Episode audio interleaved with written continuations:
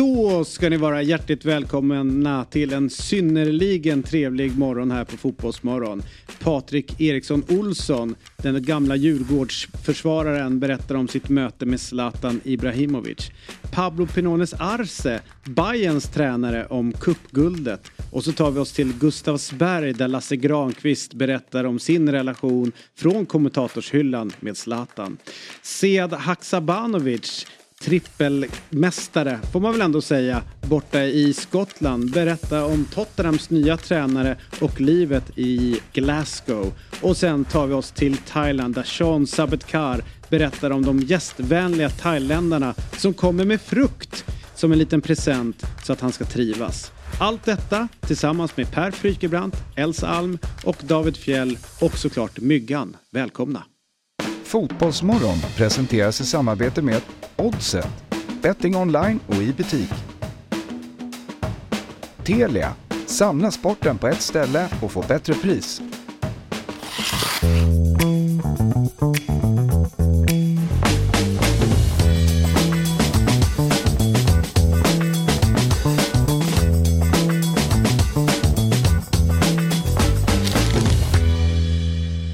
Morgon, hjärtligt välkomna ska vara till Fotbollsmorgon. 7 juni, vecka 23. Per Frykebrant, Elsa Alm och David Fjell är i studion. Vilken uppställning. Is in the house. Verkligen. Ja. Verkligen. Hur är läget? Ja, men det, det är bra. Det är bra.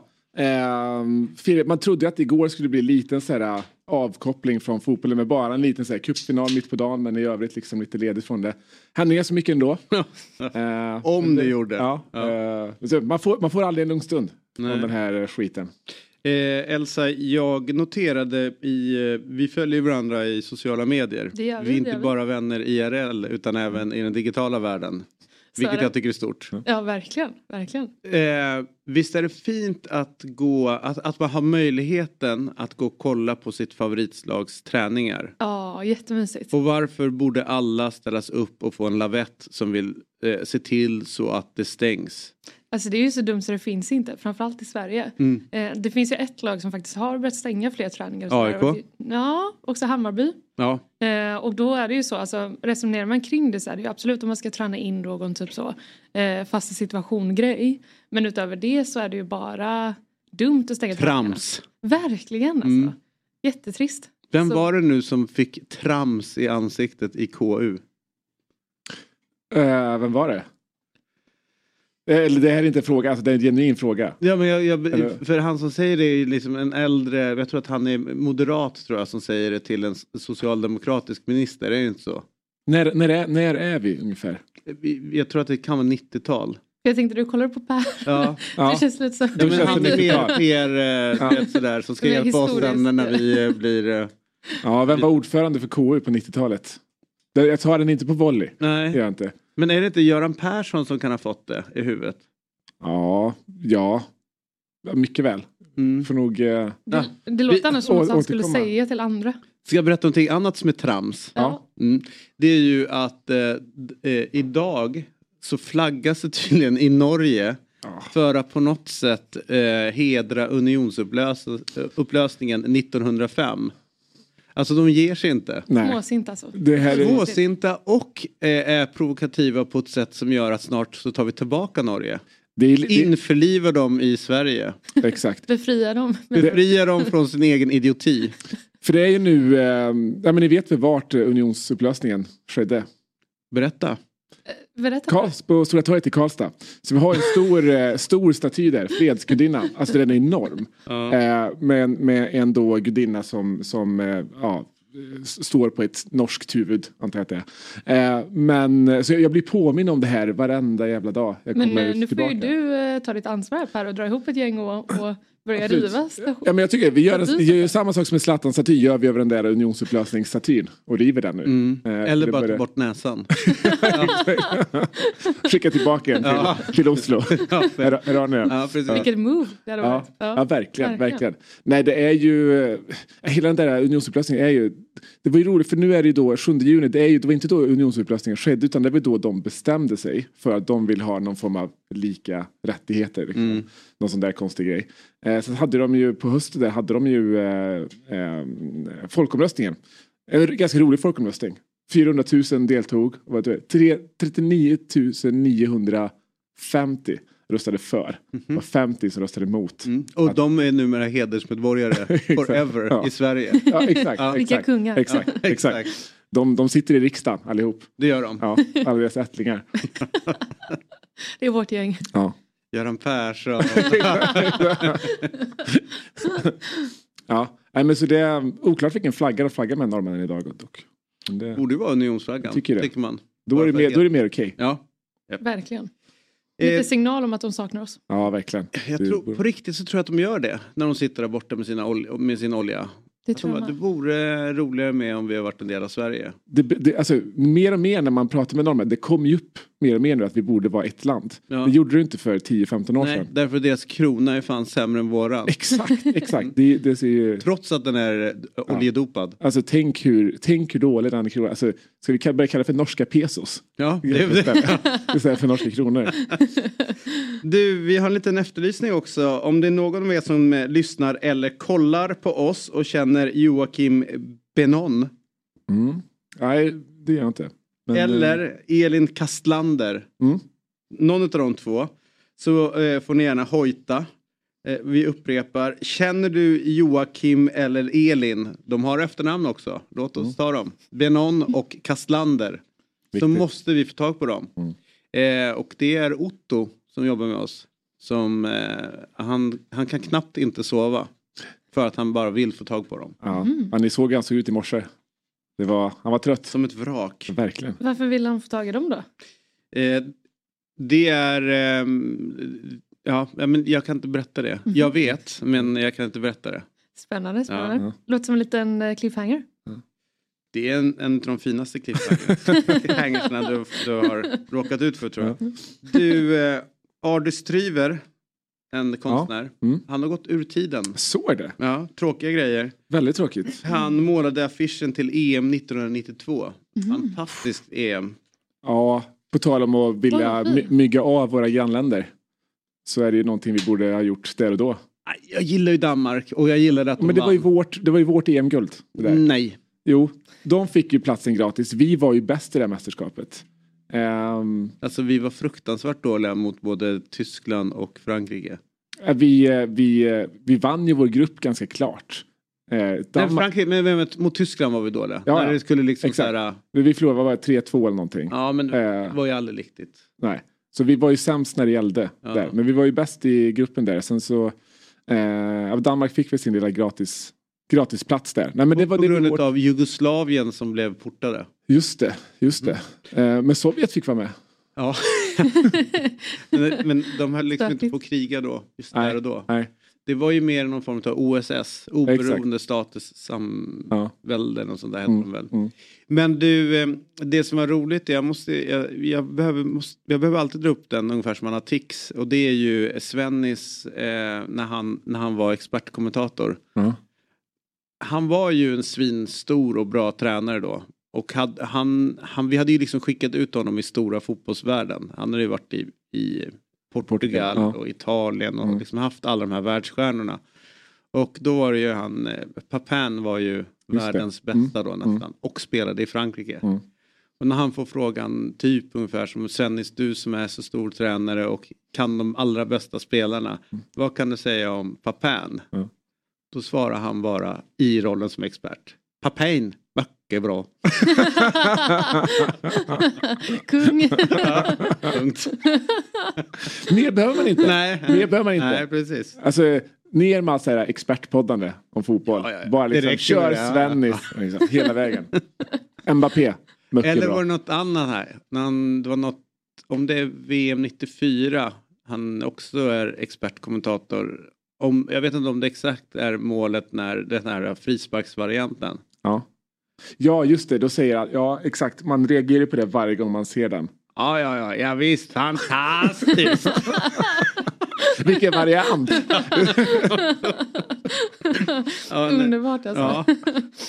Det, Det där är ju var, äkta känslor i det istället för att ha någon, så här, någon analys färdig. Ja, Bara den reaktionen är ju toppen. alltså hellre det än de experterna som sitter och berättar det som händer. Det Ja. vi precis har Mm. sett. Ja, det är jättebra passning. Nästan som att det är radiosporten. Ja, man, ja, Ja. man bara, vi har precis sett det. Du får berätta varför det händer eller om det är ja, Ja. någonting. Du, vi har ju en, en eh, Anders Björk var det. Anders Björk. Ja. Ja, mm. ja men känns som brand. Verkligen. Ehm, Ebbe Karlsson, jag brukar ju få höra att jag är nutidens Ebbe Karlsson. Ibland. eh, Anders Björk pratar på Carl Lidbom. Vad sa du att du var? Nutidens Ebbe Karlsson, lite så här, renässansman, gör lite vad som helst. Mäktigt. Ja. Ja. Det är det jag själv som har gett Är, mig det, det är här du smeknamnet i nöjd? och för Är sig. du, men- ah, okej. Ja. Det, det är Ja. du själv. Ja. Ja. Då gissar jag att jag är ganska nöjd med den. Ja, absolut, jag är väldigt nöjd med den. Det, det smeknamnet. Det, har inte satt sig riktigt. Nej.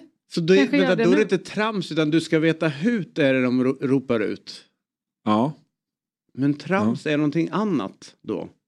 Men det här var ju mäktigt eh, ändå. Alltså när det hettar till i KU så är det ju, då är det ju bra tv. Ja, ja. och det, det är där det ska. Är det någonstans det ska hitta till? Så är det KU. Ju. Men du, vi har en häftig dag idag. Vi har Mm. Patrik Eriksson Olsson med oss. Ja, usch. På tal om EM 92. Hans eh, Brorsa. storebror. Gör ju första målet. Ja. Eh, Janne Eriksson.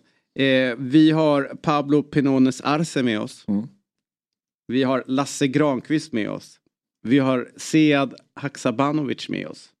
Vi har Sean, eller, ja, Sean Sabetkar. Mycket bra. Ja, och han har ju spelat i Värmland. Jajamän. Otroligt. Och Hans Mattisson. Mhm. På torsdag. Ja.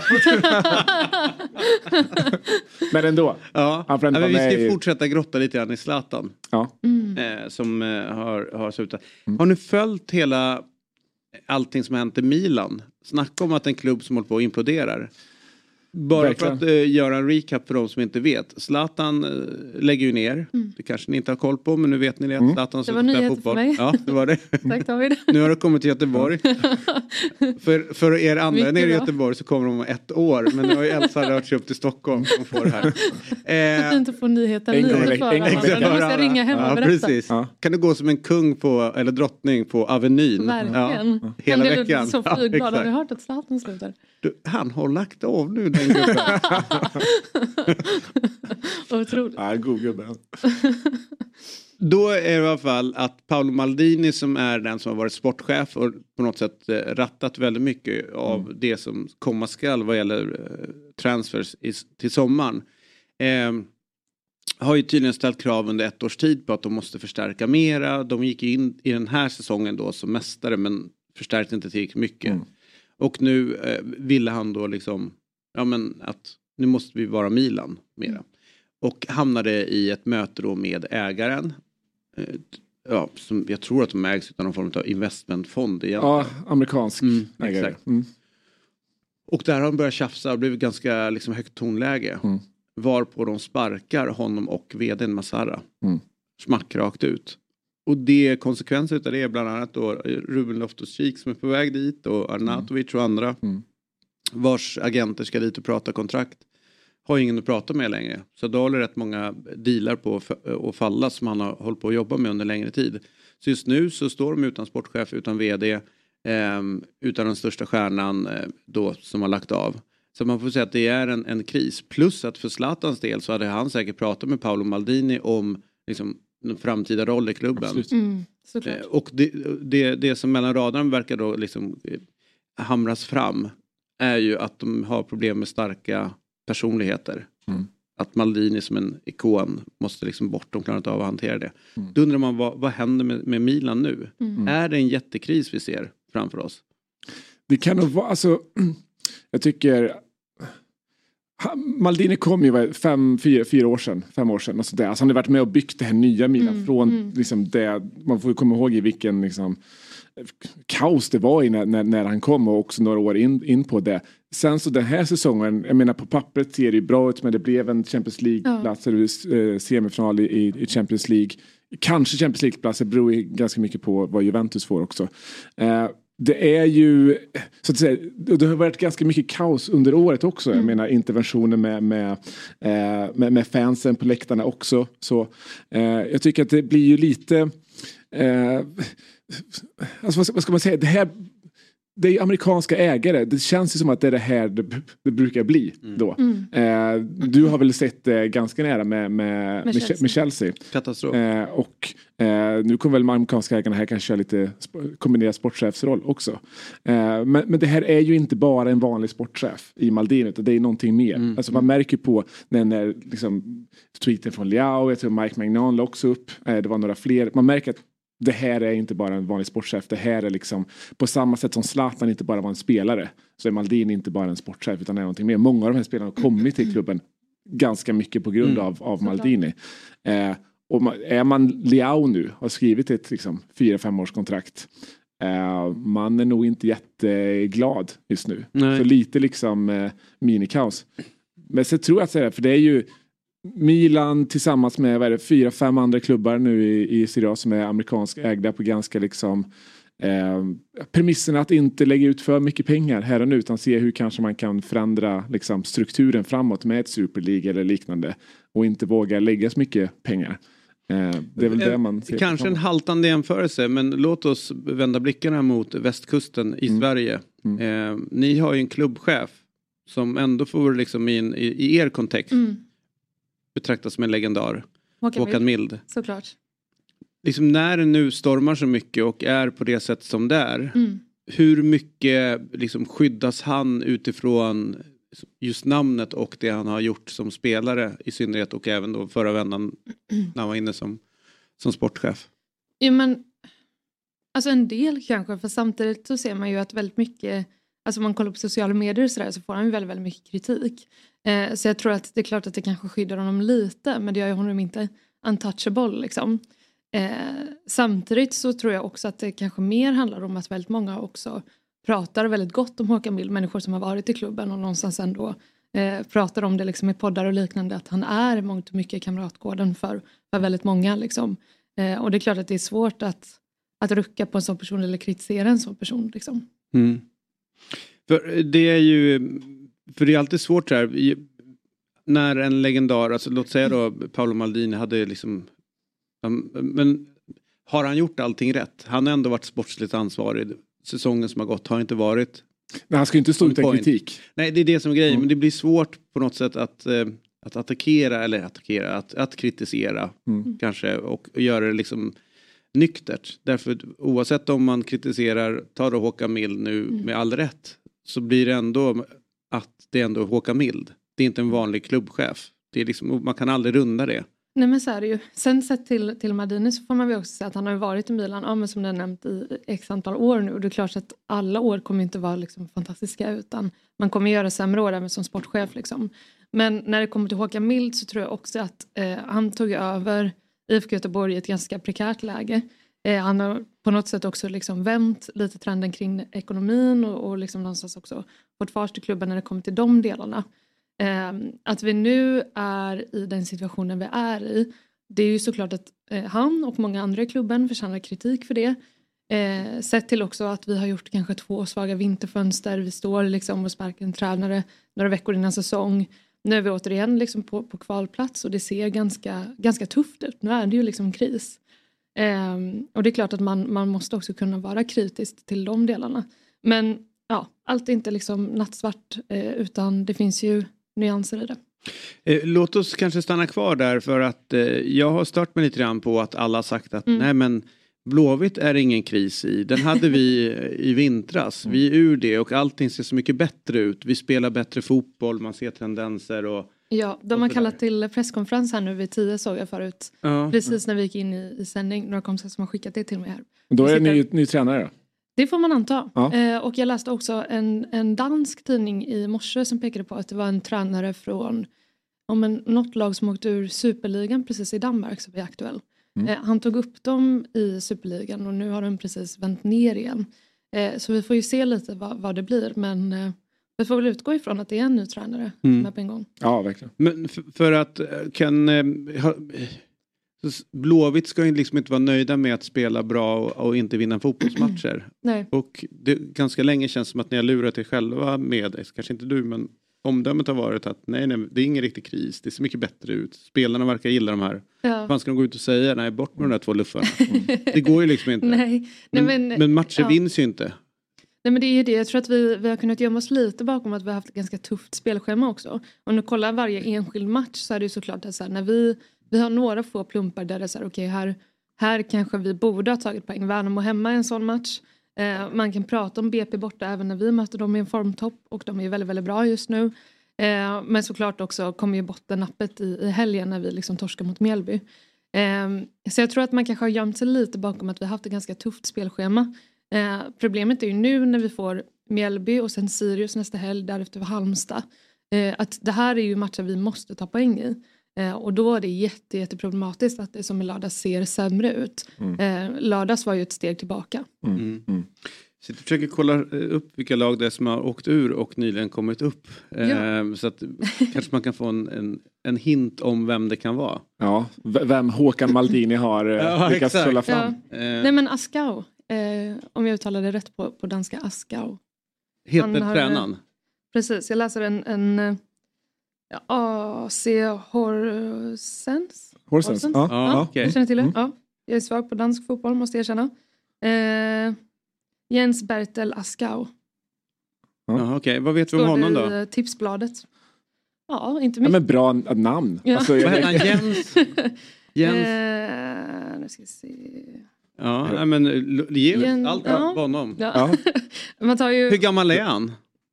Ja, Alltså, 30 plus. Ska, jag erkänna att jag fick den här artikeln skickad till mig precis innan jag gick in så ja. annars hade jag kollat upp lite mer. Men eh, jag har ju såklart inte sett någonting av, eller såklart, men inte sett någonting av danska superligan så jag kan verkligen inte svara på Nej. vem det här är eller men, vad han den, den danska men, invasionen fortsätter kan vi ju konstatera ja. av, av, eh, av allsvenskan. Men, det, brukar ju, det har väl gått bra hittills. Ja men det får man väl ändå säga. Ja. Alltså Glenn gör det ju helt liksom. okej i Norrköping. Ja, ju och framförallt Henrik. Henrik Jensen. Henrik Jensen Vår kompis som vi ska käka kroppkakor med. Just det, ja. just det. Gud vad härligt. Ja, ja. oerhört Men härligt. Det man ska kanske säga också, nu vet inte jag om det, det är så den här rekryteringen går till. Men jag vet ju också att eh, Blåvitt kopplades samman med den här rekryteringsbyrån tidigt i våras. Eh, som faktiskt rekryterade Henrik Jensen och Marti Cifuentes till, till Hammarby. Mm. Mm. Eh, ja, och Jensen till Kalmar då. Eh, och det gör ju mig lite hoppfull ifall det är så att de någonstans har scoutat ut den här tränaren eh, mm. och någonstans också har hjälpt oss i den rekryteringen. Mm. Det tror jag kan vara bra. Mm. mm. Men eh, hur stressad är det över eh, läget? Eller hur stressat är det i Blåvitts kretsar över, eh, över läget? Vi, vi sitter på något sätt i samma båt. Ja, eh, nej men nu är det ju ett, alltså väldigt stressat eh, såklart. Eh, jag tror att, alltså som jag sa tidigare så har man någonstans kanske kunnat gömmer sig lite bakom att vi har haft ett tufft spelschema och att så här, väldigt många av de matcherna som vi inte tagit poäng i är liksom matcher som vi historiskt haft svårt för. Eh, men såklart, nu står vi här på 11 omgångar och noll vinster. Liksom. Eller en vinst mot Degerfors. Eh, och det är klart att det, det gör ju också att vi ligger på, på kvalplats. Eh, och kollar man någonstans runt om i tabellen så är det inte så tydligt som förra året att det finns liksom räddningsplankor. Förra året var ju någonstans Helsingborg och Sundsvall ganska tydliga någonstans räddningsplankor för alla andra säg till att de höll en ganska mycket lägre nivå. Mm. Även om Helsingborg gjorde en ganska bra höst. Eh, Slagpåsarna men, är ju bättre i år. Så är det ju. Alltså, alltså det är mycket jämnare. Eh, och dessutom att vi också har AIK där nere som såklart också har andra ekonomiska förutsättningar än vad typ GIF Sundsvall och Helsingborg hade förra året. Mm. Att liksom kunna plocka in under sommarfönstret. Och där kan man också se att här, trenden pekar kanske lite mer uppåt spelmässigt för AIK de senaste matcherna. Ja, åtminstone den senaste matchen. Ja, eh, ja. Alltså så, ja. eh, kring, kring laget liksom. Men, eh, men eh, nej, alltså just nu börjar jag känna mig väldigt, väldigt orolig. Mm. Och det är klart att så här, eh, nu, nu är det någonstans kris. Nu, nu får man göra det som kan för att rädda det här kontraktet. Eh, och det är klart att långsiktigt så gör det mig också irriterad. För det gör ju också att eh, om vi ska rädda kontraktet då kommer vi kanske behöva plocka in människor eller spelare på lån. Vi kommer mm. kanske behöva göra ett dyrt fönster. Eh, vi kanske kommer behöva ta liksom, korttidskontrakt bara för att liksom, rädda upp på vissa positioner. För det är klart vi är också ett ganska skadedrabbat lag just nu. Eh, och det gör en ju såklart ganska, ganska orolig. Mm. Mm. mm. Han är född 82, ja, 40 bast. Ganska ung Han fyller 41 den 19 augusti. Eh, och har ju också spelat bland annat i lite större klubbar som eh, Silkeborg, Kasimpasa mm. och innan Isaksson. Mm. Eh, Norwich och eh, han gjorde en match i Millwall. Ja, 2011. Han ser, ser, kollar man bilden till höger så han ser ut som en Millwall-spelare. Millwall-kompatibel. Ja. Ja. precis. Eh, han eh, har inte haft en jättehög vinnprocent i eh, just i Horsens. Nej. Det är väl nere på 39 då procent. Men i klubben han var innan då med 33 matcher i eh, HB Torshamn så vann de 72 procent av alla matcher. Eh, I Horsens verkar han ha haft problem med eh, att släppa in mycket mål. Eh, 128 gjorda, 131 insläppta på 89 matcher. Hans totala vinnprocent är 43 procent. Torshavn, det är liksom eh, färöiska Ja. ligan. Ja, ja, Ja. så är det ju. Ja. Bra record i färöiska ligan. Där är han kung. Ja, det, det, det kan, kan gå bra. Ja, man, får ju Ja. se, man får ju se om det är han då. Eh, Men det är väl det kanske hetaste ryktet man har den här morgonen i alla fall. Mm. Eh, Har du dansk media Är det kul att få en ny tränare? Jag är inte så jävla glad i det alltid. Sånt är vet att- kul. Ja, det, Det- det, vi ska själva- prata om Tottenham Ja, ja, ja. tillsammans med Sead Ja, Haksabanovic ja. som hade Ja. honom i Ja. Celtic Mm. faktiskt. Men- Själva processen är ju kul inför, alltså om man inte gör det mitt under säsong, eller i, princip mitt under säsong som vi har gjort. Eh, då, för då går man ju liksom och, och hugger på varje rykte och liksom, alltså blir någonstans taggad och får liksom hopp varje gång. Sen när personen väl landar så kan det ju ibland bli att man får lite blandade känslor inför det. Eh, och då kollar man ju upp vad, vad de har gjort historiskt och sådär. Eh, ja, Den här bilden vi ser framför oss, otrolig tröjreklam. det, det farliga hus bara. Det är en text. Det är... Eh, ja. Nu vet jag inte vilken klubb det här är han representerar här. Eh, men eh, Han möter i alla fall eh, Foppas Exakt. Red Bull. ja, exakt. Men du, eh, han, han var ju försvarare när han spelade. Mm. Så det är ju fina grejer. Ja men såklart. Ja, passar er Ehm. perfekt. Ingen jävla glad fotboll här. ja, alltså jag tror ju att Blåvitt kommer förändra ganska mycket sitt sätt att spela på också. Om man lyssnar lite Men på... vill du det?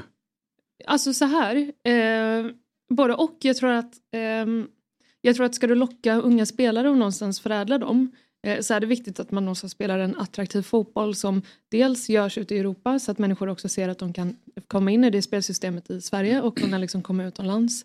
Eh, men också att så här, det, det är någonstans det som kanske får folk att, att söka sig till, till klubben. Eh, vi märker ju att så här, om du kollar lite på eh, vad IFK någonstans är starka kring liksom, ekonomiska utsikter och sådär så är vi ganska bra på att få upp människor från akademin. Vi är helt okej på att liksom, göra försäljningar och sådär. Eh, det vi någonstans är ganska svaga på det är att plocka in spelare, förädla dem och sen få dem sålt. Eh, och det tror jag blir mycket enklare ifall du har ett spelsystem som någonstans lockar människor till, till klubben och någonstans ja, men får dem att tro att de kan utvecklas i IFK Göteborg. Eh, det tror jag är viktigt. Jag är inte beredd att hålla med faktiskt. Är det så? Nej, eh, därför att eh, när Blåvitt var som allra bäst så var det absolut ingen attraktiv fotboll men däremot var ni jäkligt bra på att förädla och utveckla spelare. Eh, Men jag, var det inte att vi ganska mycket hade ett spelsätt som där och då var attraktivt vet jag inte men kanske någonstans låg mer i tiden. Ja men kanske, det, det, eller så här, det fanns en tanke med hur man, ja, men ta Roger Gustafsson som konstaterar att det finns inget lag som har snabbare forwards än vad vi har backar. Mm. Därför kan vi stå högt upp och pressa, pressa liksom, ligga högt upp i pressen på något Mm. sätt. Men det var ju egentligen ingen fotboll om man jämförde med de italienska lagen som, som var gångbart där riktigt. Utan Mm. ni hade ju ert sätt att spela. Jag tror ju någonstans, eh, nu kommer man låta som stockkonservativ, men att vissa klubbar kanske har en, ett sätt som både man på läktaren Mm. Känner igen sig i, så här spelar mitt lag. Men också det, jag ska inte säga liksom att, att ett, ett, ett lag ska alltid spela på ett visst sätt. Mm. Men det viktiga är ju bara att vinna fotbollsmatcher. Jag tror att det enda sättet att u- verkligen utveckla folk och, och att folk vill gå någonstans, det är att man vinner fotbollsmatcher. Mm. Så att det här spelar attraktiv fotboll. Förstår du hur mycket mer, alltså, hur mycket, alltså om man tänker i ett, om Blåvitt då med er självbild så är det ju inte bara att vinna allsvenskan utan ni ska också spela ute i Europa. Då kanske man måste ha ett sätt att spela fotboll som är gångbart där. Mm. Eh, Och jag tror inte att ni kommer hitta en modell där ni har spelare som gör att ni kan gå riktigt långt genom att spela ut eh, lag i Europa. Utan det måste vara andra liksom, kvaliteter man har Nej, men- i, i laget och på det sättet som man spelar. Men framförallt så är det väl att vinna matcher och vinna, vinna allsvenskan. På en större nivå, typ där vi bifar i England till exempel, så eh, så är det klart att de, de tränarvalen som Tottenham har gjort på Mm. slutet, de borde ha varit i Chelsea och de tränarvalen vi har gjort borde vara i, i Tottenham. Mm. Därför vi ska inte spela någon attraktiv fotboll. Vi ska helst vinna med 1-0. Medan för er är det viktigare egentligen att det är vackert. Alltså en 4-3-seger är viktigt någonstans och att bli underhållen på ett sätt på på Tottenham Stadium. Så att det är liksom någonstans så är det liksom anledningen till att man börjar Ja. hålla på ett lag. Eh, jag vet ju många som kan störa sig på att, att eh, Arsenal inte är det som de växte upp Ja, med en gång i tiden för att de har blivit mer Tottenham på det sättet Mm. de ska spela. Så att Mm. det är vanskligt med att byta liksom, sättet som ett, en klubb spelar för det är så mycket tycker jag i, i identiteten i det. Nej men såklart, alltså, eh, det tror jag ligger någonting i det utan vi måste ju hitta någonstans vår väg i det. Eh, att spela en attraktiv fotboll, absolut det kan ju vara viktigt men det viktigaste är ju som du säger att vinna fotbollsmatcher och göra det någonstans, göra det någonstans kul att vara i klubben. Eh, däremot så tror jag att Ola Larsson har ju varit inne på det i diverse intervjuer att Eh, i någon mån så handlar det lite om att så här, hitta vad är liksom Blåvitts identitet. Det kanske inte går att göra som han har gjort i BP eller i Hammarby utan det handlar ju någonstans om att hitta vad är vår grej. Um, och han är ju ganska mycket på att så här, kapitalisera liksom på det publikunderlaget som vi har, på det någonstans trycket vi kan skapa, eh, på liksom någonstans ja, men att eh, vara det som vi kanske har varit med liksom omställningar och hela den biten. Att, att det är någonstans det som är lite Blåvitts identitet snarare än att spela liksom med tre back eller liksom, ja, hela den biten. Eh, men jag tror också att så här, det är klart att vi behöver lite se över dels ifall vi har någonstans den bästa eh, taktiken för att vinna fotbollsmatcher, om det är det absolut viktigaste. Eh, men också att så här, om vi ska spela på vårt eh, traditionella vis, att vi också ser till att göra det attraktivt även för de unga talangerna. Eh, för det är klart att det är någonstans det, en, en av de viktigaste grejerna för att ta oss tillbaka till toppen, tror jag. Mm. Jag vet att jag, jag lyssnar med hunden katten-glassen med Värnblom och Bjärs, Bjärsmyr är ju favoriten där. eh, An, och, gör det så, alltså, man, man har inte hört honom jätte, jätte, jättemycket podd alltså, tidigare i hans karriär. Jag tycker verkligen att han är, tar för sig. ja, han är Ja. skitbra. Ja. Eh, och sen är det Tobias Hysén. Där vet jag att Värnblom är ju så otroligt mycket att, att, man, att ni måste börja spela mer modernt eller mer attraktivt och det får Mm. liksom, han hatar någon form av 4-4-2 Ja. och, och liksom att det är nästan överordnat än att vinna matcher. Jag tror att det är så enkelt som att ja, men, kolla Sveriges mest framgångsrika förening. Mm. Jag ska inte vilja påstå att de spelar just attraktiv fotboll utan det är ju deras, de är ju individuella briljansen som gör att de klarar av rätt mycket Mm. just nu. Alltså de har överlägset bästa spelarna på nästan alla positioner. Ehm, och då är det såklart Malmö man pratar om. Jag Även om jag liksom, vill vända mig mot eh, Sveriges mest framgångsrika eftersom vi har våra två Europatitlar. Men det är en annan. Mm. Men en annan i diskussion. svensk kontext så är väl inte ni det lag som har vunnit mest. Och eh, kolla maratontabellen så är ni Sveriges näst bästa lag, inte bästa. Mm. Och kollar vi Champions Leagues maratontabell så ligger vi fortfarande före Malmö. Mm. Men det är en annan diskussion. Men det viktiga är ju alltid att man eh, utgår ifrån hur det är i, i sin nationella liga. Det är Ja, den viktiga biten. Nu stänger vi den. Ja, eh, men, eh, nej, men då tycker jag ändå de har försökt anpassa spel också för att klara Europaspelet. Mm. Ehm, och det tror jag nästan är det viktigaste om man verkligen vill bli, Mm. som, ha ambitioner där. Och samtidigt så här, det, är- det är ju någonstans ett lag som jobbar ganska mycket med att ta ganska mycket bollinnehav. Eh, som också någonstans eh, har plockat in ganska mycket ungt. Där det är liksom, eh, ja men Taha Ali ska liksom utmana en mot en. Alltså det blir ju liksom, det är ju ett lag som just nu är ganska kul att kolla på. Liksom. Eh, Mm. Så det är klart att de kanske också har gjort en del, en del förändringar eh, med, med Rydström som ny tränare. Lovande dock med lite influenser från Millwall dock tycker jag framåt. det tycker jag är det, det är jävligt verkligen coolt. Göteborg. Ja, det, Det får man säga. Right. säga, om vi ska Ja. säga en sista sak alltså kring, kring liksom, om det ska vara kul att kolla på eller sådär. Eh, jag tror också att det någonstans är viktigt att så här, oavsett vem som kommer in eller hur man ska spela så tror jag att det absolut viktigaste för att få igång det är att ha en tränare som någonstans verkligen, verkligen tror på sin idé. Mm. Eh, och det är väl någonstans det som man får hoppas på att man verkligen tror på det man gör för det tror jag är viktigast om man ska få med sig liksom en, en grupp som är ganska, ganska spretig och med ganska många liksom, ja, tidigare stjärnor och sådär. Att, att, eh, man måste tro på sin idé och kanske ha pondus nog att genomföra den. Det tror jag är viktigt.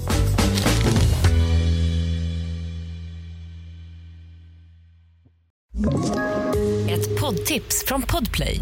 I fallen jag aldrig glömmer djupdyker Hasse Aro i arbetet bakom några av Sveriges mest uppseendeväckande brottsutredningar. Går vi in med hemlig telefonavlyssning och, och då upplever vi att vi får en total förändring av hans beteende. Vad är det som händer nu? Vem är det som läcker? Och så säger han att jag är kriminell, jag har varit kriminell i hela mitt liv men att mörda ett barn, där går min gräns. Nya säsongen av Fallen jag aldrig glömmer på Podplay.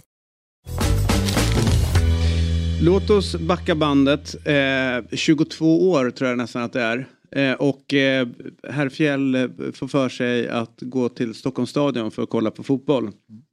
Det har varit mycket snack om en ung bra spelare ner från Malmö som ska komma upp och möta Djurgården på stadion. Så jag kliver dit. Det är ju Zlatan som ska spela. Eh, och han gör ju ingen besviken i den här matchen. Eh, det är, eh, han har precis eh, sänkt Gnaget, mitt kära AIK, nere i Malmö. Och nu är det Djurgården som väntar på bortaplan i den tredje omgången. Det är alltså samma Djurgården som året innan i superettan vunnit båda mötena mot Malmö med 2-0 och 6-1. Och eh, det är eh, ett självsäkert Djurgården som konstaterar att visst, han kan hålla på och latcha med, med Gnagarna, men här passerar han inte eh, den här backlinjen. Det där ser ut som ett pojkband. Det är eh, tuffa killar där eh, i den här backlinjen eh, och hårda på riktigt. Eh, och eh, de uttalar sig inför matchen och säger här kommer du inte förbi Zlatan, här är det stängt. I denna backlinje eh, är alltså eh, Patrik Eriksson Olsson. Och han eh, fick eh, känna på hur det var att spela mot Zlatan. Och på riktigt, när jag tänkte tillbaka på vad man har sett runt Zlatan så är det just det här målet på stadion som han gör.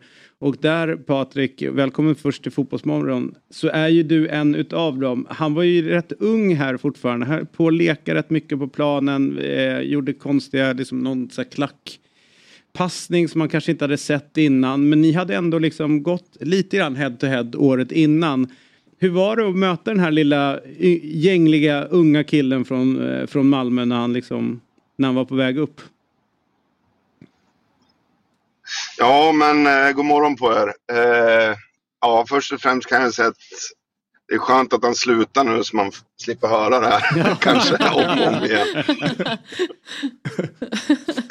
Nej, men det var väl... Eh, eh, vi visste ju om han eh, och man hade ju kompisar som spelar i Malmö FF och kände väl till han, hans talang och eh, kanske den attityd han hade. Och som sagt var, vi hade ju tvålat dit dem på stadion.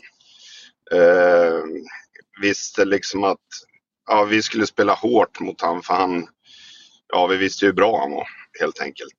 Eh, Eh, men på den tiden så var han ju mer en individualist. Liksom. Han, han ville ju hellre håna motspelarna och slå en tunnel och snurra upp dem liksom, än att kanske göra poäng. Så vi hade väl bestämt att vi skulle spela hårt. Och så gjorde vi ju den där intervjun. Och det lärde man ju sig ganska snabbt efter det att man ställer inte upp på sådana där grejer något mer. men, eh, nej men så att vi hade väl en ganska tuff batalj där också och sen så snurrade han ju, eller vi hade pratat också om innan att liksom gå inte på hans finter utan bara följ med. ja, funkar ju sådär.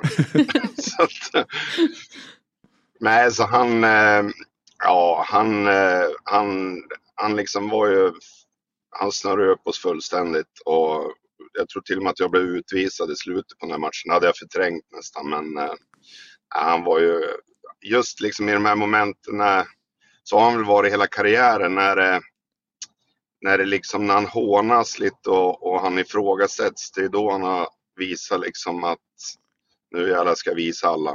Så att eh, nej, det var ju det var ju en uppvisning av honom. Det man pratar med liksom, runt honom efter är ju hans liksom, fysik. Men hur var han på den här tiden att möta? Var han, var han fysiskt stark eller var det bara liksom, hans tekniska färdigheter som gjorde att han tog, tog sig förbi er och, och rätt många andra också?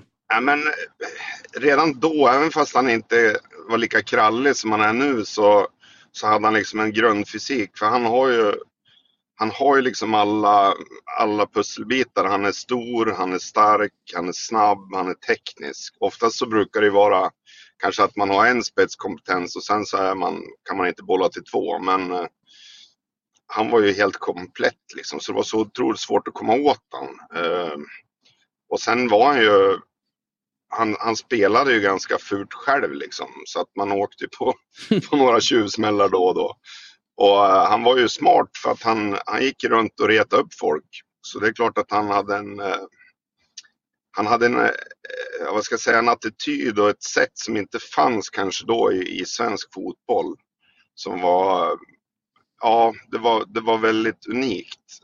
Man hade ju inte mött liksom, man mötte Mats Liljenberg, ja han sprang i djup och var en snäll kille. Mm. Och så kommer Zlatan eh, som inte var en snäll kille och, och spela som han gjorde. Så det, var, det var något väldigt nytt för oss tror jag.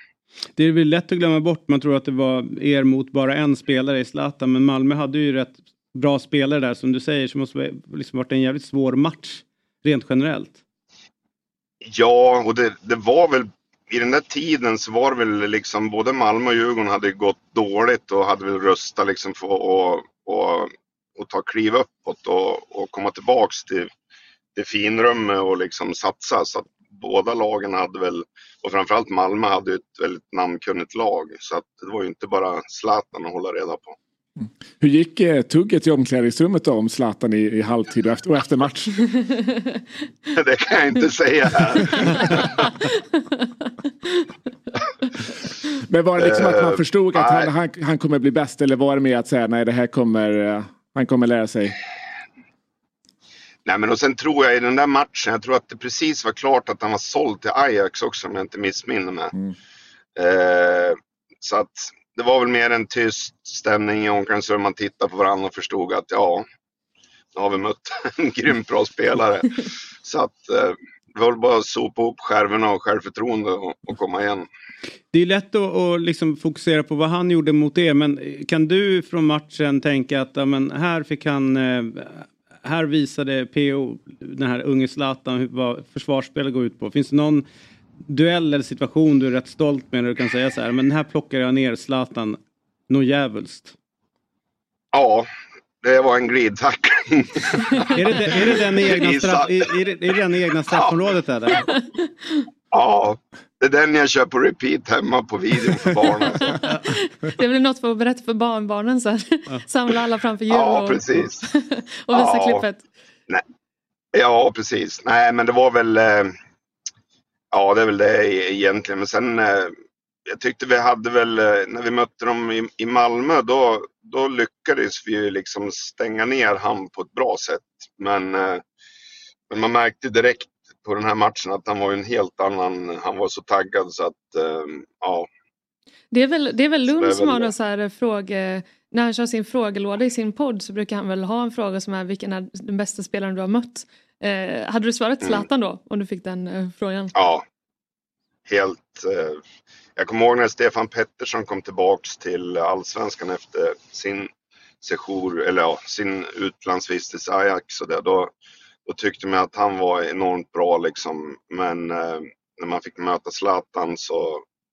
Ja, det, det går inte. Det finns ingen annan som har varit i närheten. Nej. Häftigt. Verkligen. Ja. Är det någonting du kan prata om eller tänka, tänka har du följt hans karriär i efterhand och tänker ändå att det känns någonstans häftigt att ni, ni har mötts? Ja, nej men det har ju varit, eh, det har ju varit en, eh, vad ska man säga, liksom, det är ju ett privilegium att man har fått spela mot, fått vara med och möta en sån spelare. Eh, Det var ju faktiskt, jag var med, Fredrik Gertén gjorde ju en film om Zlatan också. Eh, Och då, då fick jag ju vara med i den och då, Mm. det kändes ju också mm, jättekul att få vara delaktig i det liksom. Sen att det bara var att jag blev uppsnurrad, det var Men det, det jag Nej, märkte... men man det- förstod ju. Ja, kör du. Ja, men man förstod ju då när, när Fredrik gjorde den eh, dokumentärfilmen om Zlatan. Så tyckte jag den visar ju också vad små marginaler det är för en spelare att lyckas. Och det var ju ver- verkligen på håret att han inte lyckades i Ajax. Han. Mm. Men det, är- det är kul att han nämner alltså Fredrik för eh, hans son Ebbe som är med i, Mm. i den filmen känner jag ju lite grann och han skrev faktiskt en text i DN häromdagen om sina komplexa känslor kring, kring Zlatan från Malmöhåll. Eh, så att det är verkligen, eh, ja det är en komplex spelare på många sätt. Ja. Jag, jag vet inte var PO bor nu men det, det verkar ju vara antingen i Göteborg eller så det norra delen av Sverige. Därför där Mycket, eh, mycket Göteborgshat från dig. Nej, det är inget hat. Nej, nej, full respekt. Va- Helt vanlig Jag har ju släkt där nere så jag kan ju liksom inte hata för mycket. Det är så? Ja. Ja. Ja, Den finare delen av släkten gissar jag. Mm. Den, den begåvade. Kan tänka mig. Ja, Man kan säga att P.O. har fått lite plåster på såren, haft en bra karriär eh, efter ja, ja. också. ja. Men eh, Eh, och har ju vunnit eh, fler SM-guld än vad Zlatan exakt, exakt. Bara det. exakt. Bara det. Så att det är, där Ja. slår han honom på fingrarna Ja, jävligt. snart kommer Zlatan vara med i P.O.-dokumentären. Han har väl inget SM-guld Nej. ens? Nej, Det är nej, svagt. Ja. Han kan radda upp hur mycket som helst men han har inte vunnit i Sverige. nej. Jo. Det, det största i Sverige var väl att han tog upp eh, Malmö till allsvenskan. Mm, precis. Det var ju Micke Andersson eh, som var tränare då. När han... Nu är han tillbaka. Nu är han tillbaka. precis. Eller? Nej, han Jo. frös igen. Nej, jag tror att vi har... Eh... Nej. Ja, det Han ser, får se. det, det ser Nej, vi, vi, eh, med Göteborgsuppkopplingen. ja, Men det, kanske. Mycket skit för, för Han borde byta till det ett te- ifrån. teleabonnemang och ha en Samsung. Exakt. För då glider man runt har alltid världens bästa eh, 5G-uppkoppling. ja, ja, Just den kombinationen. ja, Jag exakt. tänker mig. Man kanske kan höra av sig till Zlatan och be om en ny. En är det Galaxy. det han gör? Ja, det gör han va? Är det, nej, det är Telia han gör reklam för. Är det inte Samsung Galaxy? någonting? Jo, Eller Ja. både, både, är han, ja, båda. Ö, Nu är han Nu är det tillbaka. nu, nu är jag tillbaka. Tjena! Tjena! Jag bor i Norrland så att det, Ja, det var, jag gissade på Göteborg eller Norrland. Ja. Det där det var inte helt snett. Nej, verkligen, verkligen. Eh, men du, eh, jag minns Jag också från den här matchen att det var en sån jäkla hetsig... Nu har Eh, han frusit igen David. nu är han. Ja. Jag tror att det, det kommer till. Om man pratar tror jag att mitt ljud fryses också så att det liksom kommer lite fördröjt. Jag, Här, i jag tror att det är så uh, uppkoppling funkar. Mm. Ja. Nu ligger det, Ja. mitt ljud buffrar någonstans Ja, exakt, mellan exakt. Stockholm och Norrland. Ja, det, det skulle kunna vara eh, Sundsvallstrakten just nu. det står det och liksom hänger ett tag. Sitter någon jävel där och håller på det. Exakt, exakt. Nej, dryga stockholmaren ska fan inte få prata med oss. Eh, Nej. Nej, jag fattar. Jag tror att vi får, eh, vi får gå vidare helt Ja. enkelt. Men det var ändå härligt att få med oss. Ja men nu! Nu är Patrik med oss igen. Där är han. Nej, det är skönt. Vi får säga hej då. Ja, hej då. Patrik. När de släpper på det ljudet igen så, så härligt att ha dig med. Eh, Ja, och tack så verkligen. mycket. Tack, tack. Nej men eh, jag minns också från den här matchen var att sjukt hetsig stämning på läktaren. Mm. Eh, och eh, jag ställde mig upp och jublade när Zlatan gjorde sitt mål. Ja. Och då, Varför gjorde du det? det var mot Djurgården. Ja, Ja. förståeligt. Men, men du var där alltså? Ja, det är som det liksom som- neutral? eh, Vad säger du? Som neutral? Nah. Inte, inte Alltså, jag- neutral direkt Nej, kanske. jag gick med några polare som håller på Djurgården och, eh, med, med, och jag var helt tydlig med jag ska Ja. dit och kolla på Zlatan. Mm. Det är det som Ah. jag ska göra. Och sen så var de så jäkla hetsiga mot Zlatan, eh, alltså alla Djurgårdare på, på stadion. Ja. Och eh, sen när han gjorde målet så ställde man så här, yeah, vet så. Fullt så. Och satan vilket hat det blev mot, Ja. eh, mot mig på läktaren. Så det var ju så här, jag var ju tvungen att byta, byta sektion. Ja. Fick du eskort? Nej, det var en polare till mig som sa gå. liksom, här. Jag bara, jag snackar han bara stick därifrån. Du vet, och folk var ju så jävla förbannade. Ja. Men han höll ju på att vässa mot publiken konstant, typ, Ja. Zlatan. Ja. Det var ju Ja, det nästan var det någon- som triggade honom någonstans. Ja. Ja. Man kan ju bara tänka hur mycket han ska ha liksom fått utstå det, det året. Mm. Liksom, det. Jag kommer ihåg den här matchen, för jag, jag såg den inte på plats, men jag, men jag såg den ju liksom, jag kommer ihåg jag såg det på Sportspegeln. Mm. För det var ju så här, det var ju så mycket uppsnack, för nu när man hör om en liksom ung lovande spelare, då går man in på YouTube och så har man Ja. sett liksom 10-15 minuter av alla hans bästa grejer. Eh, Och så är det verkligen så här, det är så korta sekvenser. Exakt. Så Nu är det så här, ja. nej men nu får jag vänta till liksom så här, Sportspegeln nästa Mm. vecka då ska Ja. jag liksom möta liksom, Djurgården se, se klippen därifrån. Så. Och då liksom, ja, Jag, är... jag tror att vi skulle kunna ringa upp Gary Sundgren också. Jag Mm. tror att det är han som blir uppsnurrad utav Zlatan Ah. i bortamötet. Ja. Häftigt. Ja. Ja. Men då hade de inte varit ute i tidningen innan kanske? Nej, jag Nej. tror, det, nej, jag tror inte han visste att tidningen fanns. Eh, Så det är väl det som är grejen. Eh, Men eh, nej, det var, var, vad är ert bästa Zlatan-minne? Lilla Sportspegeln när han berättar hur man gör en bra frisyr. Ja, den är spännande. Ja. När han kör, han fick ju en hel generation att börja med dagsvax. Ja. Och det har nog väldigt många mammor liksom eh, Ja, svurit ja, sig precis. onda över. Ja, I hear you. Men, sen, men sen är det ju, det är ju, det, det, det är målet mot England, det, mm. det är ju det snyggaste målet som eh, någon någonsin har gjort. Eh, och eh, eh, ja, det är väl det. Det är inte det största målet han har gjort, men det är det, det, är det snyggaste någon någonsin har gjort. Mm. Ingen kommer göra om det. Ja, alltså, Maradonas kommer... mot just England är väl lite snyggare, men vi kan fortsätta. nej, nej, det har gjort eh. förut. Det har gjort förut. ja, det har ju sin, det har ju sin historia i, i sig det där målet. Mm. Men eh, nej, alltså jag kommer ihåg, jag har ganska kluna känslor inför för Zlatan. Kanske inte så oväntat liksom. Är det för att han är från Mal alltså, spelar i Malmö och ni har den här beefen om vem, vilket lag som är det största? nej, inte bara. Alltså, han har ju varit alltså, tidigare Malmö-profil men, men de är ju inte jätteglada över honom nej. i dessa dagar. Eh, så. Men, men eh, alltså jag kommer ihåg när man var liten, alltså den här boken jag i Zlatan var ju typ den första boken jag köpte och så skulle jag ge den till min farsa i, i julklapp liksom. Mm. Men det första jag gjorde efter att jag gett, gett bort den var att jag tog den och läste den själv. Mm. Eh, innan farsan hade gjort det. Så det var en av de absolut första böckerna man verkligen slukade och som man läste liksom flera gånger. Och du vet, man lärde sig vad hans mopsar hette. Och, eh, alltså min, min första kärlek till fotbollen var ju såklart eh, någonstans IFK Göteborg. Eh, men, men sen så var det ju liksom Zlatan och jag kommer ihåg att jag hade en sån dröm när jag var liten att tjäna tillräckligt med pengar för att kunna åka ner ta med familjen och kolla på El Clasico liksom, när han spelade i Barcelona. Mm. Eh, men sen är det också så att eh, det som Zlatan idag företräder sett till liksom, den moderna fotbollen och hans kopplingar till liksom, ja, men, eh, ja, han har varit i, i, PSG som där och då liksom, någonstans haft kopplingar till ja, men, eh, Qatar, alltså hela den biten, att han har varit där som ambassadör. Ehm, det har varit lite, lite svårsmält. Liksom. Mm, mm. Eh, jag har inte riktigt gillat det som han har stått för rent fotbolls eh, värderingsmässigt. Liksom. Eh, så. Jag, jag, I hear you. Jag eh, känner ju, det, det, det, har ju varit ganska aktuellt nu just i dagarna med de olika, alltså vad, vad pengar, god morgon Megan. Ja. Vad pengar kommer ifrån. Mm. Eh, till exempel med hela den här livtouren med mm. eh, ja, länder som köper upp klubbar och sådär. Mm pengarna finns i systemet någonstans och det är ju, ja, jag har svårt att kritisera honom just det för det är en del, stor del av den moderna ja. fotbollen. Så fall måste man väl ejekta allt Verkligen. ifrån där liksom. Och det är ju jättesvårt för att det blir så här, ja men diskussionen vem, alltså ska en individ ta ansvar eller inte, alltså hela den mm. biten, det är jätte, jättesvåra diskussioner. Eh, men mm, alltså sen så tycker jag också att så här, Eh, I någon mån han har varit i väldigt, väldigt många olika klubbar. En del kan ju tycka att det liksom är någonting häftigt i det men jag kan nästan föredra en spelare som någonstans... Typ Maldini? Mm. ja, men någonstans är i en klubb och någonstans har, har alltså lojalitet för, för klubbmärket. Liksom. Eh, för jag vet ju själv alltså när det kommer till, till IFK Göteborg eh, så är det någonstans alltså, viktigt för mig att så här, spelarna också känner någonting för liksom, emblemet och, och någonstans också känner någonting för för klubben. Jag har lite svårt för det här att man går väldigt, väldigt mycket emellan och bara hoppar på kul projekt inom fotbollen. Eh, för mig så är det ändå någonstans viktigt att det finns liksom en grundläggande liksom lojalitet och att liksom rivalitet någonstans betyder någonting.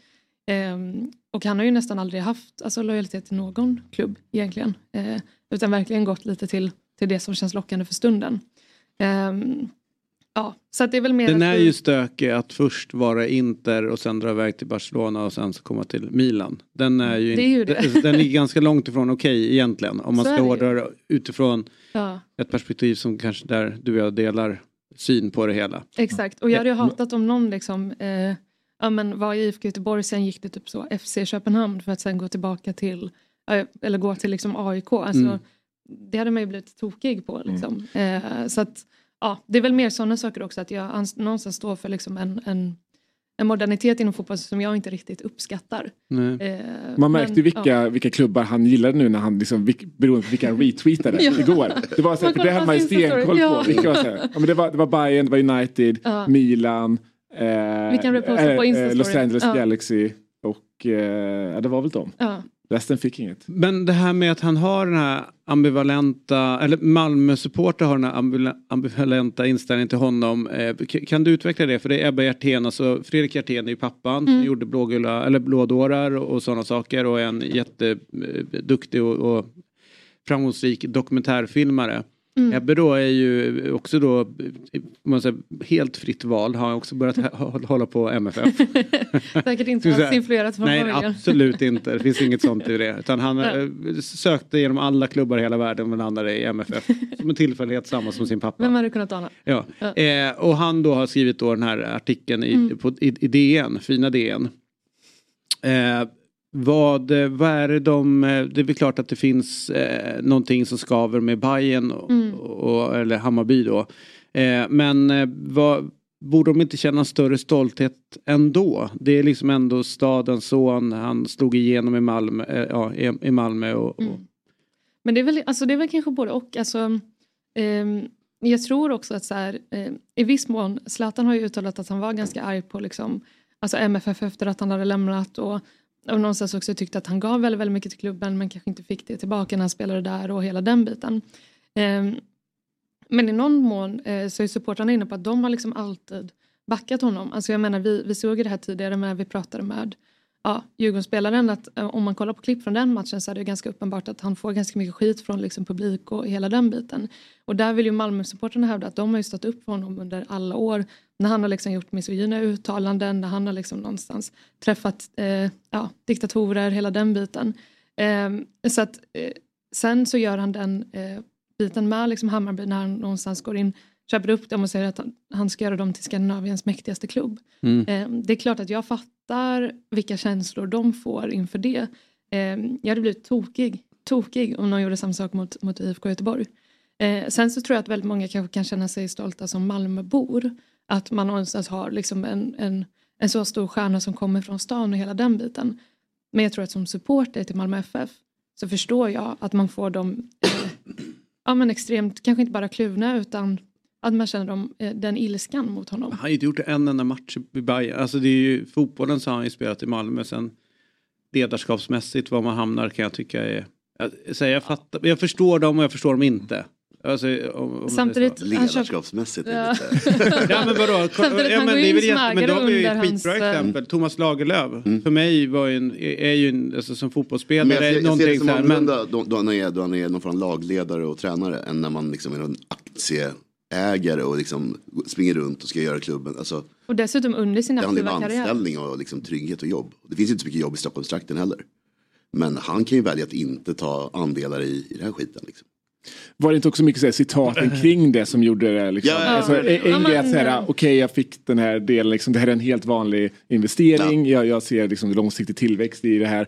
Eh, men det är citaten kring det som, jag tror att det hade bara varit den biten så hade det varit... Ja, ja, ja, det måste vara balans i diskussionen här. Jag måste, ju- någon måste försöra Slatte i det här läget. Ja, ja.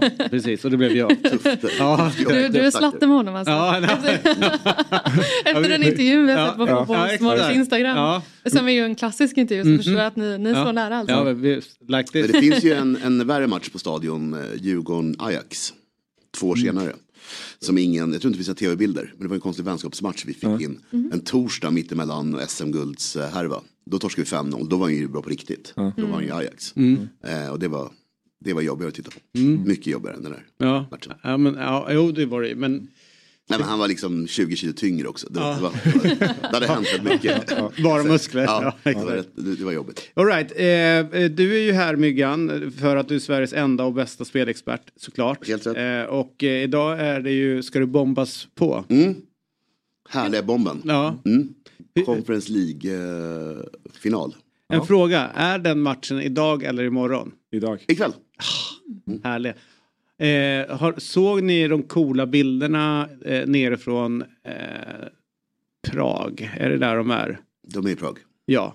Eh, då är det ju eh, Mark Noble tog de ju in under säsongen för att det gick så fruktansvärt dåligt och eh, det är ju intressant vilken ra- resultatrad eh, de, de har sen Mark Noble klev in runt laget igen. Han har inte spelat utan bara varit där. Så blev det ju liksom betydligt bättre. Men Mark Noble skulle inte vara Mark Noble om det inte vore så att han var ute och sprang och höll igång liksom sin fysik fortsatt. Han- kan ju bli så att han spelar nästa år, man vet ju inte. Eh, och en, eh, en supporter till West Ham får ju syn på Mark Noble och börjar då, eh, vill prata med honom och börjar springa bredvid honom när Mark Noble är ute och joggar. Och han håller en bira i ena handen och kör liksom såhär Hi Mark! Du så liksom så här. Och så springer de liksom såhär, tror det blir vinst då. Du så. Och Noble bara, vad är det du dricker? Han bara, just a lager. och sen så gör de liksom den intervjun. Sen orkar inte han så jävla länge. eh, han bara, I see you Mark. Du så, så jävla bra. Precis så man vill att det ska vara när West Ham går till en Europafinal. Ja, exakt. Ja. Det är liksom, precis så. Precis så. Verkligen. Men mm. skitsamma, nu är det Fiorentina West Ham. Är det inte det här man ser fram emot hur mycket som helst? Blev, har det inte blivit rätt coola finaler i just Conference League? Jo, verkligen. Och eh, Fiorentina har ju öst in mål hela vägen. De har ju by far mest mål i Conference League. Så att jag är lite försiktig här tyvärr. Men jag tror ändå det är final. Och jag tycker Fiorentina, det kanske är aningen fördel Fiorentina. Därav ingen nolla på dem. De gör mål i alla fall. Sen, det, är- alltså, det är det här med Mois mot Italianer. Jag känner att Mois är tränare. för dålig. Ja, för dålig taktiker. Eh, tyvärr. Det är det Men vi håller ju på West Ham i den här matchen, eller hur? Nej, jag tror inte. Engelska lag. Ja, vad länge sedan jag var på sådär. Jag, jag släppte det där. Jag släppte. Nej, jag har inte släppt det alls alltså. Det är, de Nej, jag, vinna. säger- och det är inget ont mot er två, men Londonklubbar är ju liksom moderna fotbollen och byta lag. Alltså, ja, nej, ja, men vi de är inte här. mina. De är inte mina klubbar. Ja, men okej, sätt dig ner i den här Fiorentina-båten då. Ja, Ja, hoppas den sjunker. ja, men jag tror på 2-0 till Fiorentina. Det skulle vara skönt. Jag fattar. Ja, sen har vi kval upp till, eh, till högsta ligan i Spanien. Levante missade på målsnöret. Det här borde de ta va? De borde ta det. De krossade Albaceta borta eh, 3-1. Eh, jag sa på ett kryss. Jag hade missat det helt. Men gör att ikväll då tror jag att, tror jag att eh, på spanskt vis kan de ju ganska lugnt släppa in en boll. Det är bortamåls... Eh, Kör de det ja, där? det- Gillar Kul. inte. Nej, gillar inte alls det. Nej men kul att se att det finns någonstans. Ja. Det här är rätt obetydligt. Men det gör ju också, jag tror det kan bli, det kan bli liksom på båda hållen. Men det slår inte ur i Spanien. Jag tror det kan bli 1-1 eller, eller 1-2 och de går vidare. Ja. Sen har vi matchen, den stora matchen i natt, 02.00. Independiente. Mot Corinthians Mm, var kommer Independiente ifrån? i Argentina. Nej, det här är de, eh, jag trodde också det, men det var de Independiente från Ecuador. Jaha. Som vi pratar om nu. Okej. Eh, Ska de vara starka eller? De är starka, de, de har någon från ligaledning seger i ryggen och kan gå vidare i gruppen om de vinner här. Corinthians däremot, eh, katastrofsäsong. Mm. Nedflyttningsplats och grejer. Ja, det går tungt för dem. Ja, det är jättetungt. Ja. jättetungt. Inte så mycket, de har gjort de har inte gjort mål på sju av åtta bortamatcher eller. Nej. Så jag tänker att vi kör på det är 2-0 här. Ja. Med lite gardering. Men här Men, håller vi på Corinthians. eh, ja visst. Ja. Men för spelets skull gör vi inte det tyvärr. Nej, nej, så att, nej. Så att, jag vi håller, håller det Ja. oss själva. Eh, och då tycker jag vi får en ganska rolig rad. Jag tror det kan bli ganska kul utdelning då också om du får lite, lite högre mål. Mm. Men har man lite mer pengar ska man nog måla på mer mål i Conference League-finalen. Ja, 4-4.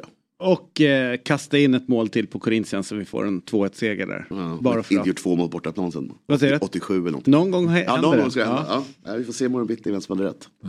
Eh, ingen QR-kod den här gången till, eh, till den här men eh, vi har ju en eh, länk eh, och det är ju dob.one snedstreck oddset. Så kommer man till eh, den här bomben som är ett spel utav Svenska Spel, Sport och Casino AB. Åldersgränsen är 18 år. Om du är 17 så får du helt enkelt inte vara med. Eh, och om du upplever problem så finns stödlinjen.se. Vi är strax tillbaka.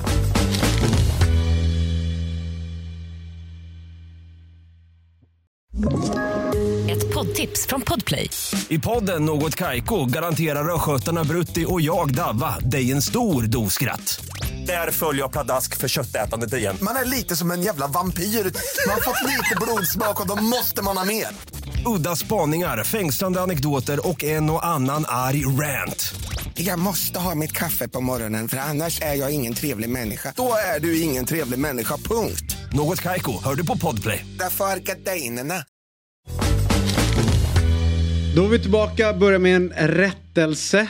Ni vet det här spelet som är från Svenska Spel, Sport och Casino AB där man måste vara över 18 år för att delta och om man har problem så finns stödlinjen.se. Där finns det ingen länk idag. Eh, däremot så om vi lägger upp den här bilden igen så kan man ju då eh, med fördel ta, eh, ta en bild på den och se liksom hur Sveriges enda och bästa spelexpert har lagt bomben. Jag tror det ska komma upp Facit. en bild typ nu. Ja, den, den ligger ute. Ja, vad Kolla. härligt. Eh, så där är det bara att ta bilden där, smack, eh, och så är det 216 rader. Sen så är det, ja, ni kan, jag vet inte vad man gör. Men eh, ni vinner helt enkelt om ni följer myggan. Det är, det är så lätt som jag gör. Så att, eh, där hade ni det. Ja. Här sitter jag, David Fjell, tillsammans med Per Frykebrant, Elsa Alm och eh, Myggan. Och vi väntar på att få med oss Pablo Penones Arce. Ändå starkt eh, av honom att vara uppe så tidigt idag. Ja. Man får väl utgå Mm, ifrån ja. att det var lite firande igår. Mm. Eh, jag såg några i eh, Bayerns damlag då som vann sin första titel på 28 år. Bara kort och gott, vi ses på Medis. Ja, Ja. såklart. Det är ändå härligt, eller hur? Nej. Bra väder och sen så tar de den här cup, eh, Stor vinst cupsegern. också. Ja. Det blev Eh, en eh, stor samling där också väl? På, på Medis. Det är klart det blev. på- Ja, ja. på- Vet, vet ni det var eh, över 17 000, 17 500 personer Ja. var på plats och kollade matchen. Det tycker jag är coolt. Verkligen. Bayern gör ett jävla, liksom, de är ett jävla lok nu Ja. vad gäller eh, in, publikintresset inom Verkligen. fotboll dam. Verkligen. Otroligt. Hatten Ja, verkligen. Ja, my- mycket hetare cupfinal på, på, på damsidan i år än Den här sidan. Men Ja, eh, ja, men vad, vad, tycker vi om pokalen? Alltså... Ja, men den, den har ju varit... Alltså, den- eh, jag, så här, jag noterade att det var folk som reagerade på den igår. Det var när den inte kom fram där Mm. så Ja. tycker jag att det, det, man behövde inte säga så mycket mer om den. än- Det är en dansk som har gjort den. Ja. Ja, danskjävlar. Verkligen. Men å, andra sidan in. hellre att vi har den här pokalen gjord av en dansk än Ja. att en norrman ska varit påfingrat. Ja, jo, så att, eh, ur det perspektivet så måste vi vara nöjda. Ja, absolut. Men det ser ut nästan som en delfi, ett delfinansikte. Ja, eller en stor stark. Ja, det också. Men det, det är det En jag blandning. tycker, jag, jag tycker så här, utseendemässigt, jag tycker så här, pokaler får se ut lite hur de vill, Ja. alltså, saker och ting växer med, med liksom, tiden sådär. Jag tycker det är synd i fotbollsvärlden att, att många pokaler som man inte kan dricka ur. Jag tycker det är väldigt Ja, viktigt är med en pokal. Ja. Eh, så jag tycker det är synd.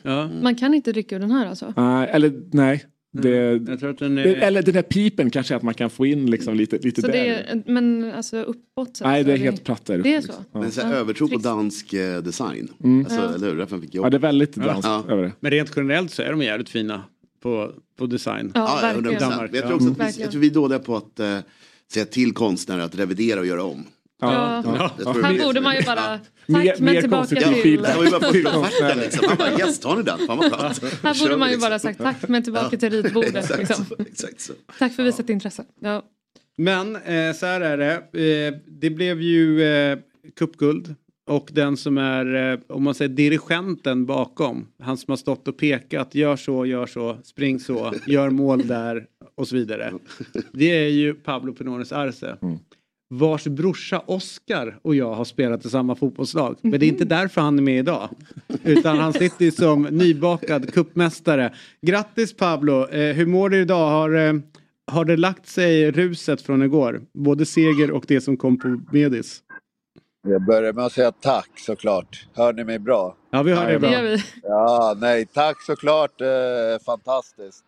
Sen så är det ju så att det finns ju ett jobb som är lite viktigare än alla andra jobb och det är att vara pappa. Så att då måste man gå upp tidigt oavsett vad man har gjort eh, kvällen innan. Mm. Så jag har varit uppe nu och försökt eh, eh, vara pappa också och, och lösa de bitarna. Men eh, fantastiskt, vad ska man säga? Eh, 18 000 nästan på plats och eh, en otrolig fest. Mm. Det ser ganska soligt ut idag ändå måste jag säga. Jaha, nej, nu sitter jag ute på balkongen och tar lite lugnt här för att ta samtalet. Mm. Men det är, det är inte omöjligt att ni får höra något pappa, pappa. Det är lugnt. Du, eh, det blev ju verkligen en, en drömmatch och ett drömresultat på, på alla sätt och vis. Eh, är du överraskad över att det blev så förhållandevis enkel seger? Överraskade kanske... Jag vet inte om jag ska säga att det är fel ord, men jag, jag tycker att vi kontrollerar matchen väldigt bra. Vi är så himla lojala. Våra spelare är helt fantastiska ur den aspekten. Eh, sättet vi hanterar matchen på är ju väldigt, väldigt eh, bra. Eh, det, det, jag visste ju ungefär, eller vi visste ungefär vad, de, vad motståndarna vill göra, hur de vill spela sin fotboll. Eh, och så såg vi till att stänga de ytorna och det kan vi se hur, hur lojala vi är i, i den defensiva organisationen i första halvlek där det kanske är, många upplever lite lite tillknäppt, det händer kanske inte så jättemycket men där jag som tränare upplever att vi har full kontroll defensivt. Sen är vi lite stressade kanske med bollen fortfarande i första halvlek. Eh, vilket vi inte är i andra halvlek och där spelar vi ut, speciellt efter 1 och 2-0. Eh, jan var ju inne på det efter matchen att ni i halvlek pratade om att alltså bara fortsätta och någonstans inte ge upp liksom, på spelidén och korrigera för mycket utan att fortsätta tro på det. Eh, och att det också är det som sen ger utdelning i, i andra halvlek. Eh, hur ser du på det? Hur viktigt är det att någonstans ändå hålla fast vid det som man någonstans kanske, kanske tror på och tror att det är det bästa för att vinna matchen eh, och hålla kvar vid det även om det inte kanske ger utdelning direkt som i första halvlek? Det är otroligt viktigt. Tittar vi så här, jag, jag brukar ju ofta, jag tror jag har sagt det så himla många gånger så folk börjar bli trötta på det. Eh, alltså vi jobbar ju med människor och så tittar vi på så här Kristianstad borta, vi tar ledningen i serien med 1-0 väldigt sent och så blir vi lite skakiga och de skapar kanske sina, eh, sina största chanser efter vårt 1-0 mål. Eh, där vi kanske dras med i, i rädslan över att eh, tappa poäng istället för att verkligen eh, fortsätta köra och, och, spela vårt spel. Och sen så hittar vi tillbaks i vad vi vill göra mot Norrköping även om det inte var en, en, eh, en jag tycker att vi är bättre. Eh, så hamnar vi i en liknande situation där vi leder 2-1 och det är slutet av matchen. Men det hanterar vi redan det lite bättre och, och, och lär oss av eh, Kristianstadsmatchen. Men igår var det ju, då spelade ju spelarna ut eh, totalt sista, sista kvarten, 20 minuter. Så det är ju fantastiskt att se som tränare. Mm. Märker du på, på ditt lag att det var en kuppfinal? Märktes det i omklädningsrummet innan jämfört med de matcherna kanske som du, som du nämner nu? Man vill ju gärna att det ska vara, ja jag förstår att det, det, man pratar om cupfinalen, men man vill ju gärna att det ska vara så här, ah, de är fokuserade, det är lugnt och så här. Men ja, in till match, eh, både två dagar innan match, eh, dagen innan match, ja man märkte att det var final. Och det, det, det kanske man ska göra också. Jag blir ju väldigt, alltså de, de, jag är ju så oerhört höga krav på, på våra spelare så att det, det blir ju, äh, jag vet inte, jag tycker det är fantastiskt. Det är klart man märkte av det, så är det du, eh, eh, Madeleine Janogy då måste vi ju prata om lite grann. Eh, hon blev tvåmålsskytt framför förbundskaptenen Peter Gerhardsson. Va, vad säger du om hennes insats? Dels då i, i cupfinalen men också hur, hur bra är hon just nu? Madde är ju eh, väldigt viktig. Nu pratar jag sällan om in, eh, alltså, eh, individuella spelare och så, så jag pratar väldigt mycket om vårt lag. Men eh, hon har ju såklart betytt och betyder eh, väldigt mycket för oss och kom tillbaks eh, till Sverige och, och, och allsvenskan i ett läge där vi där, där vi alltså hon, eh, hon, är ju, hon är ju bra. Jag tycker så här, jag tycker det är lite... Man ska passa på att njuta när vi har den här den typen av spelare eller de typer av spelare som vi idag har i Hammarby och, och eh, i, i, i svensk eh, damfotboll.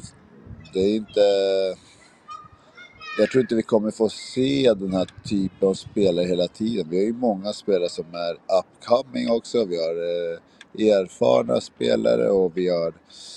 Eh, äh, det är fantastiskt. Det är många som man skulle kunna peka ut sådär. Men att, att Madde har sett så här bra ut under våren och, och har... Eh, hon, har ju, hon har ju lagt i en, en till växel och så är det. Ska hon, ska hon vara med och köra på absolut toppnivå då, då är det så här vi måste se henne hela tiden. Men eh, på tal om spelare som är up and coming, eh, ni har ju också Hamano som är på lån från Chelsea som eh, såklart är liksom eh, superdominant och, och gjorde en fantastisk match, i, match igår. Eh, hur betydelsefull är hon för, för Hammarby? Väldigt betydelsefull. Jag tror att man när, när vi hade, vi hade ju möjligheten och när, när eh, jag gör ju en väldigt stor del av scoutarbetet och när vi hade möjligheten och eh, när vi tittade på henne så såg vi ju såklart eh, vad hon kunde tillföra. Samtidigt så hade vi ju så här, eh, det stod mellan eh, ettan och tvåan i Oj. Det verkar vara Stockholms uppkoppling som är fel på.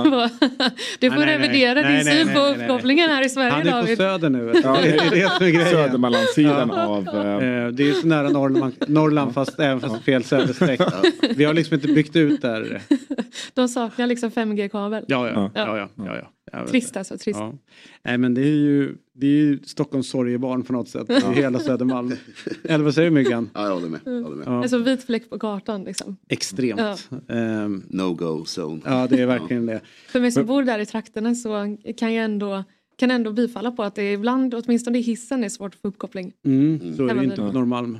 Men eh, det var, jag var ute, eller så här, dagen, en söndag så var jag och käkade brunch på ett ställe och eh, bredvid mig så satt det så här riktigt stekargäng från Östermalm. Eh, så, och så kommer in en kille som är så sjukt jävla bakfull. Alltså vet, galet bakfull. Ja. Och alla är, vad fan har hänt med dig? Han var så jävla jetlaggad. De bara, vad fan gjorde du igår? Jag var på Söder. ja, så kan det vara. Eh, men eh, låt oss rulla vidare. Det där Verkligen. var Pablo Pinones Arce, alltså eh, chefstränare i, eh, i Bayern och vi gör ju det genom att ta oss då, jag skulle nästan vilja säga, eh, inte söderut utan nästan österut ifrån där vi befinner oss. Ja. Där Lasse Granqvist nu sitter. Eh, och eh, av alla minnen man har av den store Zlatan så har eh, den här mannen ett visst inflytande får man ändå säga. Det är ju målet han gör mot Italien och det är ju Lasses frispel. Och det är också Ralf Edström. Lugna ner dig nu, lugna ner dig nu. Ja, det är Ralf Edström. så jävla bra alltihopa. God morgon Lasse. God morgon. Ja, Har du lugnat god ner dig? Ja, ja, precis. Ja, det har gått några år så jag har haft möjligheten till det i alla fall om inte annat. Eh, eh, jag befinner mig i Gustavsberg förresten, apropå österut. Då. Det, är där, Ja. det, det är där jag bor numera, så det är halvvägs till Finland mer eller mindre. Det är i alla fall nästa anhalt. Men det där målet, det är kul att få prata Zlatan Ibrahimovic förresten första morgonen efter, efter nationaldagsfirande. Eh, det, det, är, eh, det där målet 2004, det är mot Italien, det betyder mycket tävlingsmatch, andra matchen i turneringen. Sverige hade öppnat mot Bulgarien, 5-0 i Lissabon, magisk match. Italien ledde såklart mot Sverige med 1-0, det var ganska vanligt på den tiden. Men, men kvitteringen kommer sent, 88-89 minuter, ni kan den där historien. Och målet är ju så otroligt speciellt. Dels att Sverige kvitterar mot Italien, når ett lika resultat sent i en tävlingsmatch mot italienarna, det är en rubrik bara det. Eh, men, men, men på det sättet det gör såklart. Och jag blir så till mig i trasorna och då är det så här att de här kommentatorspositionerna var väldigt tätt byggda. Så man sitter, ni vet ju själva som har varit på, man, man, liksom man sitter och så stol, stol och bord nästan kolliderar liksom. Så man har fått, precis fått ner sina, sina ben där. Så att jag jublar ju så här liksom. Så här. Och tar lite överbalans och faller mer eller mindre mot monitorerna framför och eh, eh, benen fastnar och håller liksom kvar mig mer eller mindre. Och då reagerar Alf faktiskt. Att han, gör en, han gör en välgörande insats. Han tar tag i min axel och rycker tillbaks mig helt enkelt så att han räddar mig ur den här mycket märkliga arbetsställningen. Och då säger han lugna ner dig. Och det ligger det mycket i faktiskt. Men, men man tror ju faktiskt att det endast beror på att jag skriker som en fullständig besatt. Men vilket mål enligt min uppfattning i modern fotbollshistoria i alla fall det häftigaste svenska landslagsmålet. Alla kategorier. Är det ditt starkaste Zlatan-minne? Ja, utan tvekan. Eh, många säger ju Englandsmålet, men grejen med Zlatan Ibrahimovic är att alla har ju sina, alla kan göra en topp 5-lista mer eller mindre över magiska mål han har gjort, klubblag, landslag och så vidare. Så att, eh, han, han, han har ju den eh, egenskapen som han lämnar efter sig då, om man så säger, att förse oss med massa magiska mål. Eh, vad, eh, liksom, vad tror du att han har betytt för, för svensk fotboll?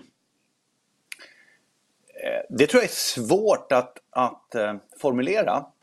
Eh, jag tror att man får, vi läser ju alla de här krönikörerna som kommer nu med, med, med, alltså Erik Niva, Simon Bank, Noah Bachner som liksom försöker sätta Zlatan Ibrahimovics betydelse i ett samhälleligt fotbollsperspektiv. Och det tror jag man måste göra. Eh, jag pratade med Jens Fjällström igår. Jens och jag eh, laddar för att åka till Istanbul nu på Champions League-finalen ihop och vi hade lite förmöte igår. Och, och eh, Jens var ju Malmö FF när Zlatan Ibrahimovic kom upp där. Mm. Och jag tror att den vägen han slog sig fram, han har ju skrivit om det i sin bok eller sina böcker också. Det, det är nog ett, ett avtryck som, som lämnar en hel del eftertanke. Han var tvungen att slåss mer än andra. Sen hade han ju en annan verktygslåda ska vi säga. Mm. Men, eh, vad, eh, vad, vad tror du att eh, bakgrunden då har eh, givit liksom för, för verktyg som man har kunnat använda sig utav under karriären? Han, han, han ändrade sin fotbollsstil löpande. Alltså han, han var ju en mycket större bollvirtuos. Eh, Ajax-målet där till exempel i, i, i nederländska, holländska ligan hette det på den tiden. Eh, liksom han lurar alla flera gånger, de kastas åt olika håll. Eh, han blev ju mer en, en eh, ledare, den store, det stora lejonet någonstans, liksom, och den eh, straffområdesspelaren mer eller mindre, centertanken eh, i, i, större utsträckning, när han ändrade karaktär i sitt fotbollsspelande. Eh, hans sätt att ta sig an de här klubbarna kan jag tänka mig också har haft en betydelse. Jag menar, han satte ju dagordningen i de klubbarna han kom till. Och hur lätt är det? Alltså det finns ju en enorm hierarki i de här föreningarna. Jag tänker bara inte på, på, på de som spelar utan även de som är högre upp i organisationen. Men han, han eh, gjorde ju, det är klart han var ganska dyr också, mm. men, men, han gjorde ju ett avtryck till ledningarna och, och till direktörerna. Tänkte på det i, i Milan också, han tackade ju direktörerna på sitt avskedsanförande där eh, på, på inneplan på San Siro. Så att, Eh, nu får vi se vad det betyder Maldini för kicken. Men, men, men, men eh, Eh, jag, jag, jag, tror att eh, han ändrade sin karaktär löpande. Men någonstans känner man ju, man vill ju inte vara på andra sidan liksom mot honom. Det, det, det, den blicken är inte så mysig. Mm. Hur, säga, eh, du, du har ju följt landslaget sen ja, Sen Dacke höll jag på att säga. Ja, Dackefejden, exakt. Ja, exakt. Jag visste det. Var där, ja, var där nu googlar alla Dackefejden. Ja. exakt. eh, det, du minns också att det var en diskussion som dök upp med ojämna mellanrum där att landslaget skulle vara bättre utan Zlatan. Hur ser du på den? Jag ser, alltså om du har en, en komponent som är inte bara bäst utan kanske till och med med en fas med tydlighet bäst så känns det märkligt att bygga en, en, en, en slutprodukt utan att använda sig av den. Det, alltså det känns ju konstigt att, att man säger att Nej, men den där personen, den där bästa liraren, den vill, vi, den vill vi inte ha med, vi klarar oss bättre utan. Men det beror ju på att den här delen av att jaget är större än laget eller eh, jaget utmanar och det finns en risk att jaget blir större än laget. För det vill jag säga att det är Ibrahimovic fall. Det handlar ju om ledarskap, du måste kunna hantera honom. Eh, du, du, måste kunna vara ett, på ett sätt som ledare som gör att eh, att, att han noterar dig. Liksom. Eh, och, och eh, Alltså, det tror jag Janne Andersson lyckades med efter det här mötet de hade då. Men som svar på din fråga, för mig är det konstigt att ett lag blir bättre av att det bästa inte är med. Mm. mm. Hur, hur, tror du att Zlatan hade varit som expertkommentator? Jag menar, få har väl så mycket fotbollskunskap som honom, men å andra sidan har man ju sällan hört någon prata om något annat än sig själv. Så att, svår, svårt att avgöra. Vad tror du? Spännande får jag väl säga. Ja. Alltså om han hela tiden som expert skulle säga hur han hade gjort det. Då blir det väl så här 20 mål på varje sida i en match i och för sig. Så det, det, det, faller på sin egen orimlighet. Men jag tror att han har mycket att ge och mycket att lära ut. Och det är väl ingen vågad slutsats. Liksom. Jag menar, det, det är väl en ganska självklar sak. Eh, men jag, jag, kan tänka mig, hur är han som pedagog? Hur, är han på, på, på, hur kan han använda sin kunskap för att få andra att lära sig? Eh, vansinnigt spännande. Skulle det inte vara härligt att bjuda in Zlatan Ibrahimovic till vårt snack här och så skulle man kunna gå igenom några av grunderna för hur man behöver samarbeta. Mm. Man ska ha klart för sig det när vi pratar om att kommentera. Jag menar herregud, eh, ni, ni, vet ju precis vad jag snackar om, men liksom, man, då måste, det, är ju, det är en samverkan. Det måste ju vara tillsammans, annars går det ju aldrig. Eh, hur hade det gått för mig om inte Edström hade dragit ner mig? Jag hade fastnat den där jävla kommentatorpositionen på, på Dragao, Dragao i, i Porto. Mm. Det, det, roliga är ju att också att det är Ralf Edström för att i, i början så kändes det som att Ralf Edström var nästan lite, inte bitter men ändå så här, Ralf Edström var ju den stora svenska forwarden i då i relativt modern tid och sen så kommer Zlatan upp och börjar liksom pocka på att han minsann är den bästa. Ralf hade ju lite svårt i början att förlika sig med att någon annan skulle liksom vara den bästa forwarden och inte han. Ja, Ja, tiden går vet du. Nu, Ja. nu får du allt kämpa med att någon ska komma ihåg vem man, vem man överhuvudtaget var som fotbollsspelare. Är en fullständigt briljant och lysande fotbollsspelare, Ralf Edström. Sicken nick. Eh, specialist som man sa. Vilka, han gjorde ju också klassiska fotbollsmål som Mm. man i, i den generationen fortfarande pratar om. Jag menar Sverige, Sovjetunionen, som, så, dåvarande Sovjetunionen på 70-talet i kvalet till VM 74. Va? Eh, oavgjord match, Ralf var avgörande. Ungern, Budapest och de här historierna som vi, vi, vi har hört om och som jag gärna lyssnar till Ralf berätta också. Ska veta om Ralf, för honom är jaget större än laget en avgörande fråga. Han, han, jag ska inte säga för starkt ord nu, men han tycker extremt illa om, om de som inte underordnar sig kollektivet. Och eh, han hade problem med Ibrahimovic sätt att vara helt enkelt. Mm. Och det tror, jag, det tror jag nästan, jag ska inte säga emot det, David, men jag, jag säger att det, det kompletterar din uppfattning den, som, som du sa där. Att, för att det är klart att har du varit störst och bäst och så kommer någon och är större och bättre så kan det ju vara en process fram. Men, men, men jag skulle säga att det, det är det som gjorde, och han var, jag kommer ihåg vi gjorde en match på Råsunda, vi gjorde några stycken sådana, en, kvalmatch som, med, med, och då gjorde Ibrahimovic något, något fult utanför bild så här, som syntes på någon reprisbild.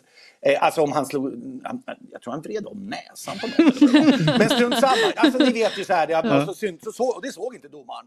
Och då var det inte direkt så vi satt och skrek oss hesa över att nu kommer snart någon kolla på video så ser de allt. Utan, utan, utan, och då när Ralf såg den reprisen, för han såg det inte heller direkt, då blev han så arg. Alltså så du beter dig inte sådär, du gör inte sådär. Alltså det var mer det som eldade upp Ralf tror jag som komplement till det du säger. För det är faktiskt så att jag, jag, jag hävdar med bestämdhet, det kommer alltid en ny och det gäller alla. Eh, Men faktiskt inte Zlatan Ibrahimovic. Det kommer ingen som han igen, tror jag. I alla fall inte i min livstid. Men jag är äldre än vad ni är. Ja, ja, men inte mycket. Myggan ser ju faktiskt bara lite yngre ut men ni är, ni är jämngamla nästan. Eh, du Lasse, vad härligt att ha med dig. Vi måste ju bara nämna då det, det du har framför dig, en, en Champions League-final. Eh, och eh, Eh, jag vet att jag, jag och Marcus Johannesson satt ju och pratade mycket om eh, inför man ska lägga upp eh, kommentering eh, och jag tycker det är härligt att höra att ni gör det efter så många år tillsammans också. Vad är det ni eh, tänker och, och funderar på kring Champions League-finalen? Eh, det, den största hemligheten tycker jag, eller största hemligheten, gud så pompöst sagt. Men eh, en viktig sak är att åka med matchen. Åk med matchen. Bygg ingenting som den inte är. Eh, därför att då bygger du upp förväntningar som sen kanske inte riktigt landar in. Eh, och en finalmatch, det är alltid stora matcher. Det spelar ingen roll Europamästerskap, världsmästerskap, Champions League eller vad det är, liksom cupfinal. Ni pratade ju med Pablo Pinones här tidigare, Arce, som, eh, och, och vi gratulerar Hammarby till cupfinalen igår. Men liksom, att få allting att stämma i en finalmatch för de som är aktörer i det här, det, det är ju kolossalt eh, knepigt. Eh, och, och därför blir ju finaler ofta rätt avvaktande. Där, eh, jag, jag är fortfarande, får jag bara en parentes bara, men Mm. eh, i, i VM-finalen som spelades på den där guldstadion, det är ju intressant om man bygger en fotbollsstadion i guld, men det var, kändes väl så. Det kanske inte var rent guld, men skitsamma. I, i Qatar, i Doha, i, i um, Lusail-stadion där, den finalmatchen, det är ju därför man var alldeles hänförd av den, Argentina-Frankrike. Och jag kommer aldrig glömma, nu, det gör jag ju aldrig, Hasse Backe som jag jobbar med, som för övrigt är årsbarn med Ralf Edström, men, men Hasse Backe som jag jobbade, han har ju en tendens att alltid veta allt. Min gode vän Hasse. Ja. Eh, Det är lugnt. Ja, eh, det här, det, men i förlängningen vid ställningen 3-3 när det var fram och tillbaka där och det var typ fem minuter kvar av andra förlängningshalvleken då säger jag till, till eh, Backe i, i, i sändningen att vad är det för match vi ser? Vad är detta för fotbollsfinal? Och då säger Hasse jag är stum, jag vet inte vad jag ska säga. och och det, det är bland de största ögonblicken som jag har upplevt faktiskt när man har haft en expertkommentator med sig. Men som svar på din fråga, åk med matchen. Den sätter vart du är på väg. Och alla finaler är alltid en del av historien. Alla finaler är alltid en del av historien. Och det blir ju någonstans att vi knyter ihop det här med Ibrahimovic också. För han, Björn Borg, en av de största i svensk idrottshistoria någonsin, fick ju aldrig vinna US Open. Eh, och tänk att inte Ibrahimovic fick vinna det där Champions. Eh, men det ska vi inte snacka om när han lägger ner, men ni fattar vad jag menar. Mm. Idrotten är så otroligt komplex. För mig den största svenska fotbollsspelaren genom alla tider, men det finns ju andra som faktiskt har vunnit Champions League. Och också har ett SM-guld. Det har inte Zlatan. nej, nej. Och den där historien blir såklart också en del när ni pratar om alla, och, men det här med, med Malmö FF och avskedet därifrån, eller vad man ska säga. Eh, Den stängda eh, järnridån mot Malmö mer eller mindre då, efter den här historien när han blev Hammarby-ägare. Mm. Så kan Moderna det också fotbollen. vara. Ja, den moderna fotbollen. Vi blir inte klok på den Lasse. Vi, eh, men vi får kämpa på några år till i alla fall. Härligt att vara med er, ha en bra dag. Ja, Hej då. detsamma. Hej då. Det är ju Härlig ja. människa. Ja. Alltså, Vilken rakt energi. Ja, alltså fantastisk människa. Ja, Ja. verkligen. Bara man ser honom så blir man ju svinglad. Verkligen. Verkligen. Och när man får höra om Ralf Edström, ett annat citat är det ju när, jag tror att det är Lasse också, eh, när jag gör sist, äh, slutsignalsmålet mot Ungern och Ralf bara skriker världsrekord. Ja. Det är Världsrekord! Man bara, vadå världsrekord? I vad? Alltså, Närmast stolpen, alltså, men att det går in. Men det är det är ju, eh, ja det är faktiskt odödligt det, nu när du säger det. Det är också så oväntat, eh, för målvakten står ju och undrar vad det var som hände. Ja. Jag tror att han fortfarande står där nere på arenan i sina långbyxor. Exakt, exakt. Eh, Jävla mål det där är alltså. Otroligt. Men det är ju också som man är inne på, alltså, eh, att Messi fick ett annat avslut nu när han vann VM-guld. Mm. Det gör ju också att det blir liksom en annan cirkelslutning. Det hade ju varit alltså, någonting annat om Zlatan också hade lyckats vinna Champions League. Ja. Den perfekta, Ja. det perfekta avslutet. Eh, för att eh, då göra en eh, väldigt haltande P3-övergång. Så eh, om det var, vi pratade om det perfekta avslutet så kan man säga den perfekta början. Eh, fick ju Sead Haksabanovic. Som dyker in i en ny klubb. Och eh, där vinns det både ligan, ligacupen och kuppen. Trippel. Under, ja, en trippel Ja. första säsongen. Och då kan, måste jag tolka det på ett enda sätt enbart. Sead Haksabanovic-effekten. Ja, verkligen. Det är liksom inget, det är inget snack. Eh, så att han får gärna komma till Gnaget en dag och eh, bara göra samma. Nu har vi bara två titlar i Sverige kvar. Men gärna att, att man får hans liksom, vinnarglans. Eh, ni var ju så rastiga så att det blev ingenting där borta i Djurgården. Nej, men men, eh, var ju väldigt uppskattad i Djurgården. såklart, Ja. för att det är en väldigt bra Super- fotbollsspelare. Sead, välkommen och god morgon eh, eh, till Fotbollsmorgon. God morgon och, eh, och tack så mycket. Vilken jävla säsong. Det är väl bara ett stort grattis på sin plats. Ja, tack så mycket. Det var en, eh, en väldigt fin säsong. Vad, ehm, vad, vad är starkaste minnena därifrån under säsongen? Nej, men det är väl eh, att vinna sin första titel i sin, eh, ja, i sin, i sin karriär. Mm. Vad, eh, vad eh, är du överraskad? Var det något som överraskade i den skotska ligan eller i Celtic som du liksom inte hade koll på innan?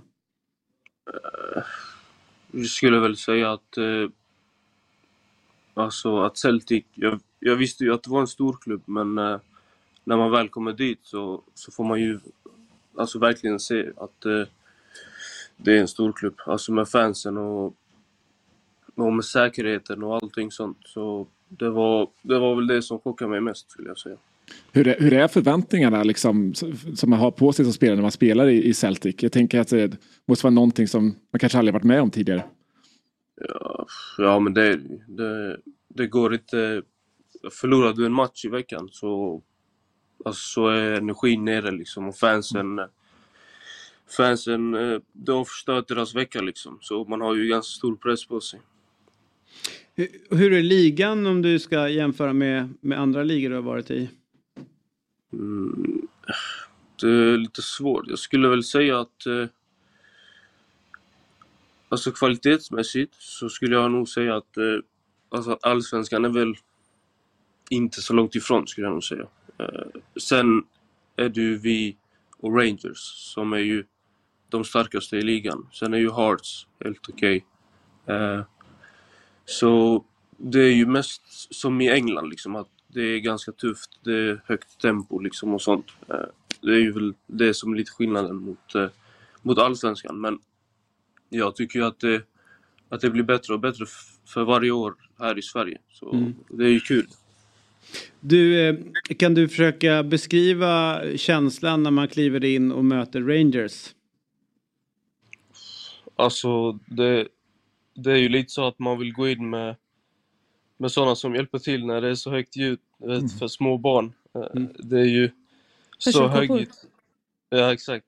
Det är ju det är så högljutt eh, men det är ju det är ju enormt liksom och eh, jag visste ju att det var ett derby men när jag kom dit och fick se allting och sitta på bänken och höra det, det, det är otroligt. Mm.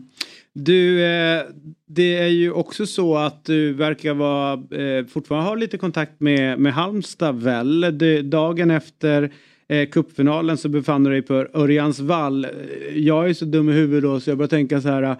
var det första bästa flyg direkt efter matchen, alltså du struntade i firandet? Eller var det direkt upp i svinottan? Eller hur gjorde du för att ta dig dit?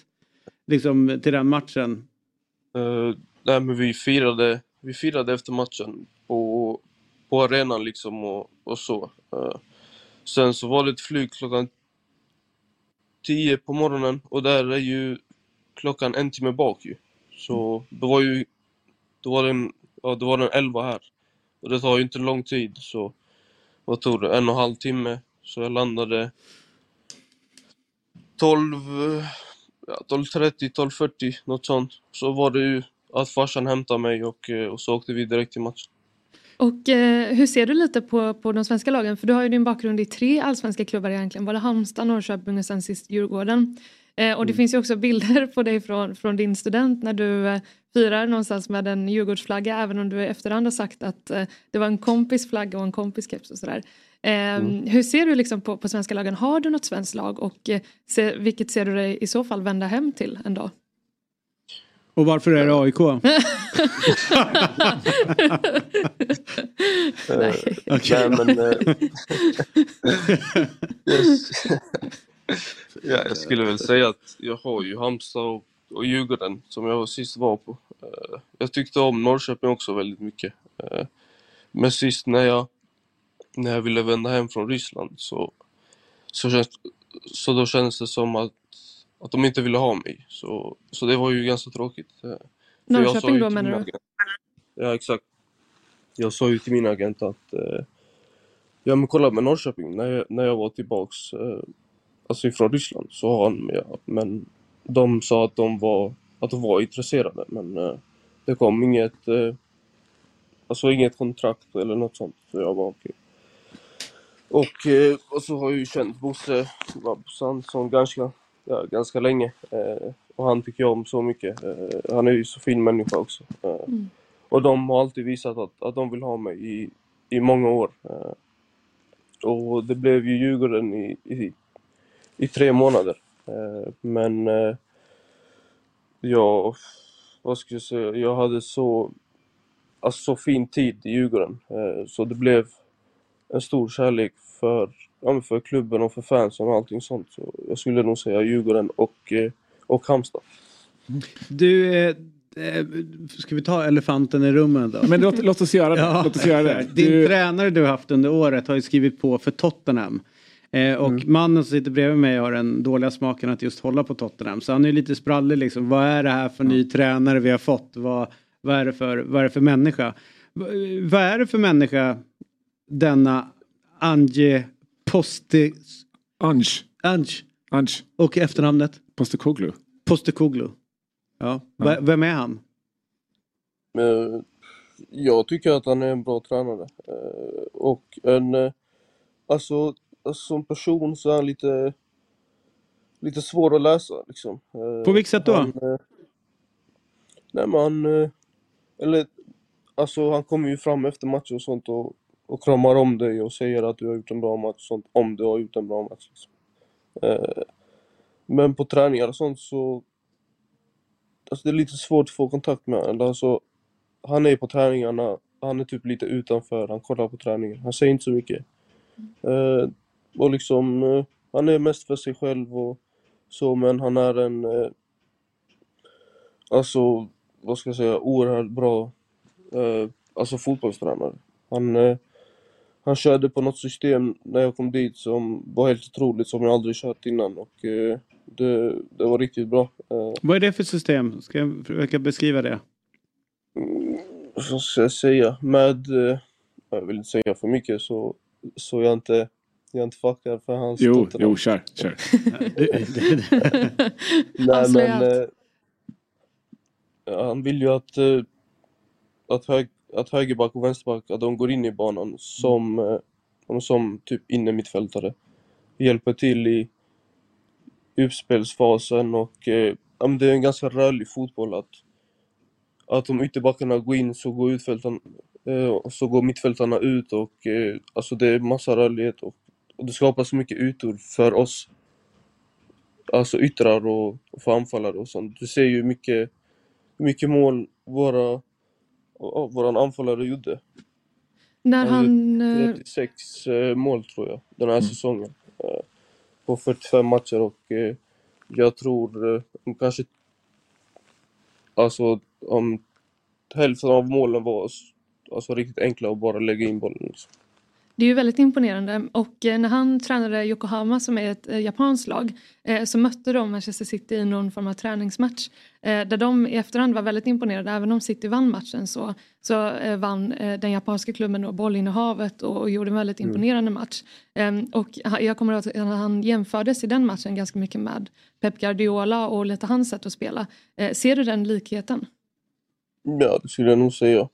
Vi spelade ju i- i Champions League nu och eh, jag tror det var Luka Modric eller, eller Toni Kroos. Han sa ju att eh, vi, vi trodde att, att Celtic skulle vara, alltså att de backar hem liksom och, och försöker vinna, alltså vinna matchen och så. Men alltså Celtic spelade sitt egna sätt och, och de spelade jättefin fotboll så vi alla var chockade. Så han, eh, det var typ eh, något positivt. Så vi kan se framför oss högpressade offensivt eh, Tottenham Ja. nästa säsong. Mm. Ja, det kommer du få se. Ja. Med Harry Kane som gör 50 mål. I Real Madrid. I Real, ja, exakt. Just det. Men du, eh, men för egen del då, vad, när man byter tränare, du har ju ändå liksom en relation med den här tränaren nu och så kommer han lämna, känns det tråkigt? Nej, det är ju, det är ju kul för han liksom. Eh, Sen, eh, sen hade jag önskat att jag hade fått spela mer denna säsongen. Eh, Så... Men du är rätt nöjd med att han lämnar? Inte säga det. Eh, han, är, ja, men han är grym tränare liksom. Jag, hade, jag lärde mig mycket den tiden jag hade honom och eh, alltså jättekul för honom att eh, han, får, han får gå vidare. För du, du är inne på det att du inte har fått spela så mycket och jag har kollat lite och du har ju varit lite in och ut från, från startelvan. Du får hoppa in nu eh, den här matchen när ni vinner och sådär men Ehm, det är klart att det, du nämner ju också att han kanske inte säger så mycket. Hade du önskat lite mer kommunikation kring vad du hade kunnat göra för att ta en plats i startelvan och, och sådär? Ja, såklart. Sen så vet jag ju att det, det är min första säsong liksom i ny liga, ny klubb och allting sånt. Det, det tar ju lite tid tills man lär sig kulturen och allting sånt, eller vad, vad man ska säga. Eh, så jag får ju ha tålamod. Eh, men eh, ja, jag tycker väl att jag borde ha fått spela lite mer, men man får ju ta det, det man får liksom, göra, göra det, ja, det bästa utav det. Så får vi se nästa säsong om, eh, om det blir lite mer speltid. Hur mycket hänger med herr Starfelt, eller gjorde? Vår blåvitt-gubbe. Ja. Eh, ja, men ganska mycket. När, när jag är där så är det typ bara med honom jag hänger. Han har väl haft en ganska fin säsong va? Ja, han är, jag tycker om honom. Han är grym. Han är stark defensivt och eh, liksom är stabil och, och det är så säkert att, att man känner att man har en, en så bra mittback bakom sig liksom. Så, eh, och som person så är han ju, han är ju underbar. Eh, han har alltid ett leende på läpparna. Så. Du, vi har ju en grej att vi håller på och bygger en eh, världens längsta spellista och eh, vill då gärna att du bidrar med en låt till den. Då, våra gäster brukar få göra det. Vilken, vilken låt skulle du vilja slänga in på vår playlist? Just nu så lyssnar jag mycket på albanskt. Ja, det in med ett bara. In med den. Vad fan heter den? Eh, ja men... Vad fan heter den nu? Den heter... Uh, Corazon. Hjärtat. Med... Ja, på spanska. Med Don Johnny. Don Johnny. Ja. Jävla bra namn. Otroligt. Och han är från Albanien. Ja, Albanien, Kosovo. Love it. Don Johnny. Ja. Ja. Men du, tusen tack för att du var med den här, eh, den här morgonen. Eh, Och, Inga problem. eh, Ha en, det är ju ändå mäktigt att få åka hem till Halmstad under sommaren. sommaren. Ja. Ja. jävla bra sommarstad. Verkligen. Ja, så att, Blåvitt har ju bortamatch där 2 juli. Och samma dag så öppnar eh, Tylösand sin så här sommargrej. ja. Det kommer bli Vi ses stökigt. där helt enkelt. Eller ni, ni ses där. Vi ses där. Exakt. Nej, men jag, jag måste åka hem igen 2 juli, så det var ju lite tråkigt. Nej. Du, eh, det, är bara, det är ny tränare så ta en sjuk, eh, ta en sjuk dag där. Kom den tredje. Det är inga konstigheter. Ut och festa med alla Blåvitt-supportrar på Tylösand. Ja, nej, Då blir det nog några dagar ledigt istället. Ja, exakt. En vecka, ont i magen. Du, eh, eh, lycka till nu och ha en bra, bra ledighet. Ja, tack så mycket. Tack. Ha det bra. Ha det bra. Ciao. Hej då. Ciao. Ändå, liksom måste ändå kännas eh, som en, eh, en bra tränartillsättning, eller hur? Ver- Verkligen, verkligen. Ja. Speciellt man får ställa det i jämförelse med vad, vad Tottenham har haft eh, tidigare här. Vi var inne på att ja, det har varit Conte, det har varit Mourinho, eh, Nuno. Det är ju så långt ifrån Tottenham-DNA du kan komma. Eh, och nu kommer någonting annat. Det är lite roligt att så fort Tottenham blev av med sin sportchef då har man helt plötsligt haft en stringens i vilken tränare man har le- letat Ja, efter. Man kan ställa lite frågetecken till- kring den tidigare sportchefen. Mm. Eh, men nu är det, man hör ju väldigt gott eh, om honom just kring fotboll. Han är ju liksom en Citigroup-produkt. Det är därför Mm. liksom likheterna mellan Pep är där de är. Eh, speciellt det här med inverterade eh, ytterbackar som går upp Mm. och kör in i liksom, eh, mittfältet. Så, här, ja, väldigt eh, karbonkopia på, på Pep. Mm. Av hela mitt hjärta så hoppas jag att han misslyckas kapitalt. Jag skulle, jag skulle säga att det, det är ganska stor sannolikhet att han gör det också. Ja, nej, men det vore härligt att se Ja. att ni, att ni kravlar långt ner. Ja.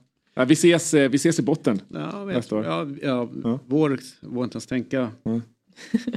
Och så har vi fått eran smutsiga tränare Exakt. också. Ja, exakt. det är Sluta mycket- sno våra mycket- tränare. Det, där, det, där, det där gjorde man förr i tiden. En, en grej då, låt säga att ni får chansen att bli fotbollsproffs eh, någonstans. Eh, och liksom, det är klart att alla skulle kanske vilja då ta chansen i West Ham eller i Liverpool eller Tottenham. Men om man tänker sig lite utanför liksom den Mm. gängse liksom som alla pratar om. Då hade inte jag till exempel valt Holland. Alltså det, det, det känns, okej det är kanske bra fotboll Ja, men man har velat nej. göra någonting annat. Alltså, Ska det vara så ska det äventyr- vara. Ja, få äventyret. Mm.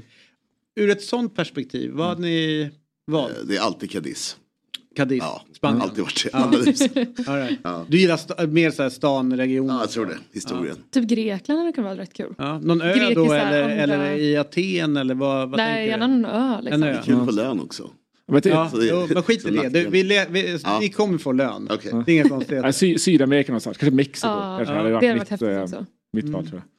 Jag gillar ju valen som nu några har gjort. Ja. Eh, vi har ju Broa Nouri som är på Bali tror jag. Mm, mm. Eh, och sen så har vi ju eh, Nyholm heter han nu som bröt. Jesper. Eh, Jesper. Mm. Är också i, eh, i. Asien. Indonesien. Thailand, eller, Indonesien, ja. ja. Och så har vi ju eh, Filip Rogic i Thailand.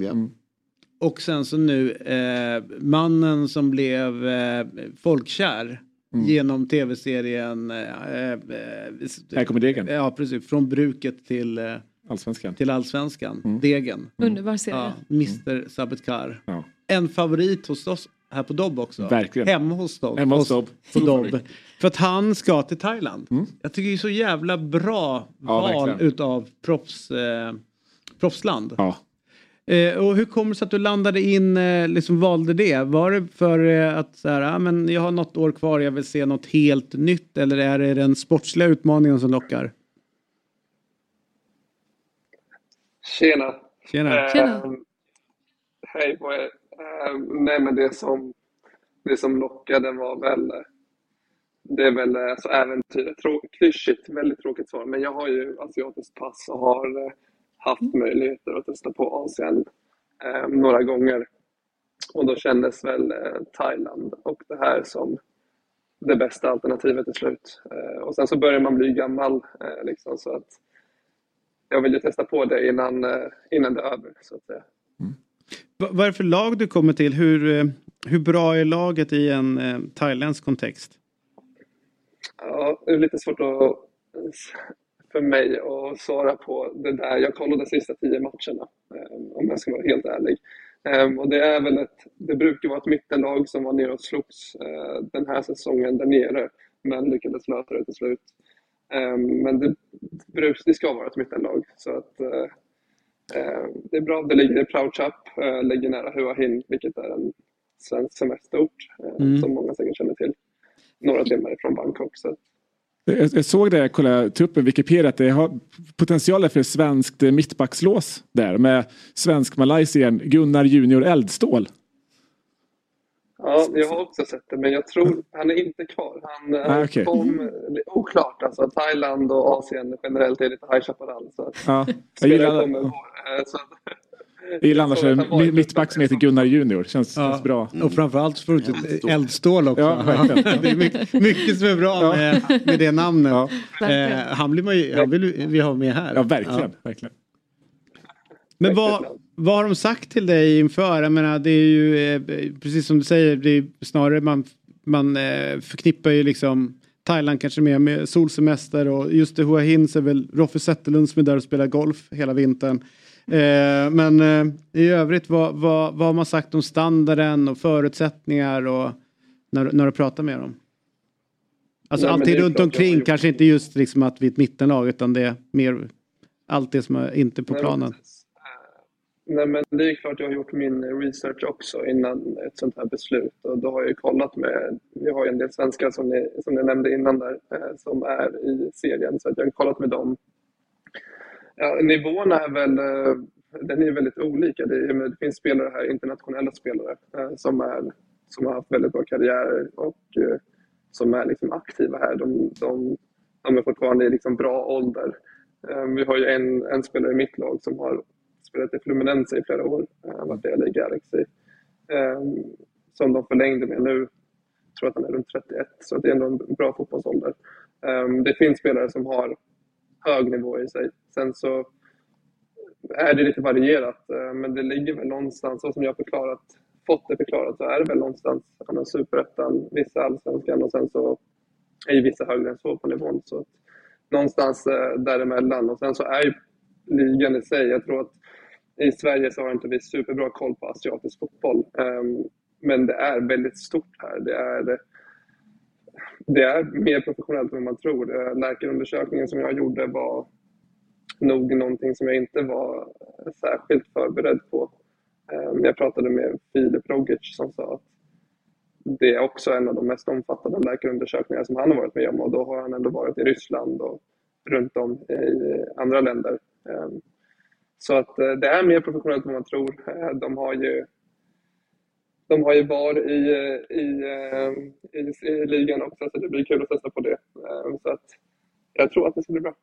Nu kan man väl säga att Filip Rogic är ett ganska dåligt exempel att ta med tanke på att han har spelat i AIK och läkarundersökningen där verkar vara lite manjana med tanke på vem som helst verkar släppa sig igenom och sen inte lira en match. Undersökningen på Victor Fischer vill man ju... Ja, och kanske fler spelare också som eh, i AIK Ja, inte det- spelar. Så att det, det är väl... Ja. Men du, eh, det är sällan man eh, upplever att en spelare lämnar en klubb och får så oerhört mycket kärlek från alla håll som du fick när du lämnade Degerfors. Patrik Werner var ju eh, nästan rörd och konstatera att när han vill så kan han komma tillbaka och börja jobba här eh, som, som sportchef och så vidare. Du verkar ha eh, liksom du verkar erbjuda väldigt mycket till klubbarna du kommer till. Vad, vad tror du att det beror på att du blir så älskad i, i alla sammanhang du, du dyker upp i? Jag vet. Först och främst så blir jag inte älskad överallt. Så, så enkelt Ja, sluta nu, Men det är, jag- var inte så ödmjuk.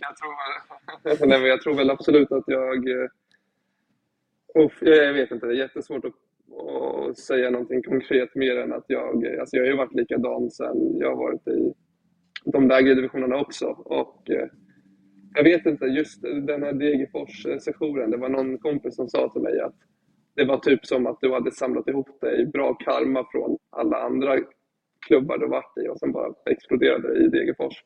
Jag var inte jätteberedd på, på den eh, reaktionen från klubbens håll och många supportrar och så heller. Alltså min eh, telefon var, den var sprängd med liksom fina meddelanden och allt möjligt. Så att det var, nej, jag, eh, jag vet inte. Jag, jag vet faktiskt inte. Jag, jag är väl mig själv.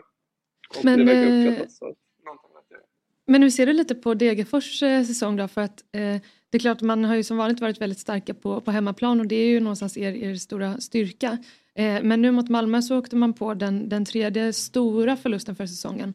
Man har ju torskat med mer än fem mål mot både Häcken, IFK Göteborg faktiskt och, eh, Så eh, konstigt. Ja. och Malmö.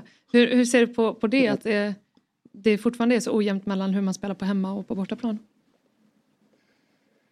Ja, hur ser jag på det egentligen? Ehm, Just Häcken och Malmö, visst, det ska aldrig rinna iväg så där mycket, men de är väl kanske mer rimliga jämfört med Göteborg om man ska vara helt ärlig. Nu krossar du mitt Ehm, hjärta här. Och, eh, ja, jag vet. Men, eh, det, nu, nu, nu när jag inte är i Sverige kan jag vara transparent och ärlig. Så att de två känns mer rimliga. Göteborg var inte helt rimlig. Och svaret på det är att jag har inget svar där heller. Det, jag såg en statistik på att vi inte har vunnit jag tror att på de här två och en halv säsongerna som vi har varit i Allsvenskan att det inte bortaspelet har inte varit bra och det tyder på någonting. Eh, vad det är, det vet jag inte eh, riktigt, men på Stora Valla så tar man ju poäng. Och på Stora Valla så är det ju eh, det är ju verkligen någonting som, som ger kraft för föreningen och för oss spelare och hela den biten. Men ska man vara helt ärlig så måste ju den här borta biten bli bättre för att, att återupprepa de här magiska liksom, höstsäsongerna när man bara gör det omöjliga möjligt. Det kommer ju komma ikapp en. Så att det är absolut ett problem, men som jag tror jag tror och hoppas kommer bli bättre. Liksom, jag vet inte. Det, ibland träffar man rock bottom och sen så kommer man uppåt. Det var ju som förra året också. Vi var, vi var ju sämst genom tiderna i Sverige liksom, och alla tyckte att vi alla var sämst. Och sen så lyckades man vända på det. Ehm, jag vet inte. Bortaspelet behöver skärpas till. Du, eh, den här, eh, eh, får man säga, komma från en, en miljö där det är väldigt familjärt till proffslivet. Är det någonting du har reflekterat över att ja, hur stor skillnad det är just kulturellt? Vi, vi har pratat med spelare som säger att kanske i, i internationella sammanhang så är det kanske mer jaget före laget. Vi hade Aymar Cher här som berättade att det var väldigt mycket tuffare i, i Italien och, och liksom vilka krav man ställer på varandra och att man ser varandra mer också som extrema konkurrenter om just de där bara 11 platserna som finns. Eh, vad kommer det ställa för krav på dig? Eh, Men, nej, men det är absolut, det kommer ställa krav på mig. Jag, menar, jag har varit i Sverige i alla mina år eh, och nu är jag 28 och gör min första utlandssession. Men som tur är har jag lärt känna många som har mycket erfarenhet för, liksom, kring utomlandsvistelser. Eh, Så jag är lite förberedd på att jag kanske inte kanske ska fokusera lite mer på mig själv den här gången. Eh, Sen så kommer jag till ett land och en kultur där det är extremt gästvänligt. Eh, Mm.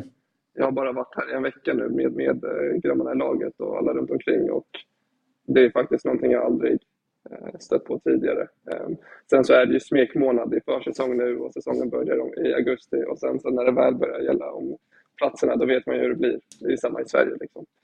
Så att, nej men det, det är gästvänligt. Det är, eh, folk bjuder hem en, folk kommer hit. Eh, De har en de har ett äldre par som är anställda av föreningen som, som är så extra mamma och pappa som tar hand om Det var alla gulligt. utländska spelarna. Jättegulligt. De, eh, hon kom senast igår med, med som en liksom matlåda med frukt som hon har skurit. Det var så här, det- de, är, de, är, de är jättegulliga och jätte, gästvänliga. Och just Thailand, jag tror att jag kommer... Det är ett skonsamt land för mig som, som gör mitt första utomlandsäventyr att komma till. Eh, Och det har jag hört från de andra spelarna också.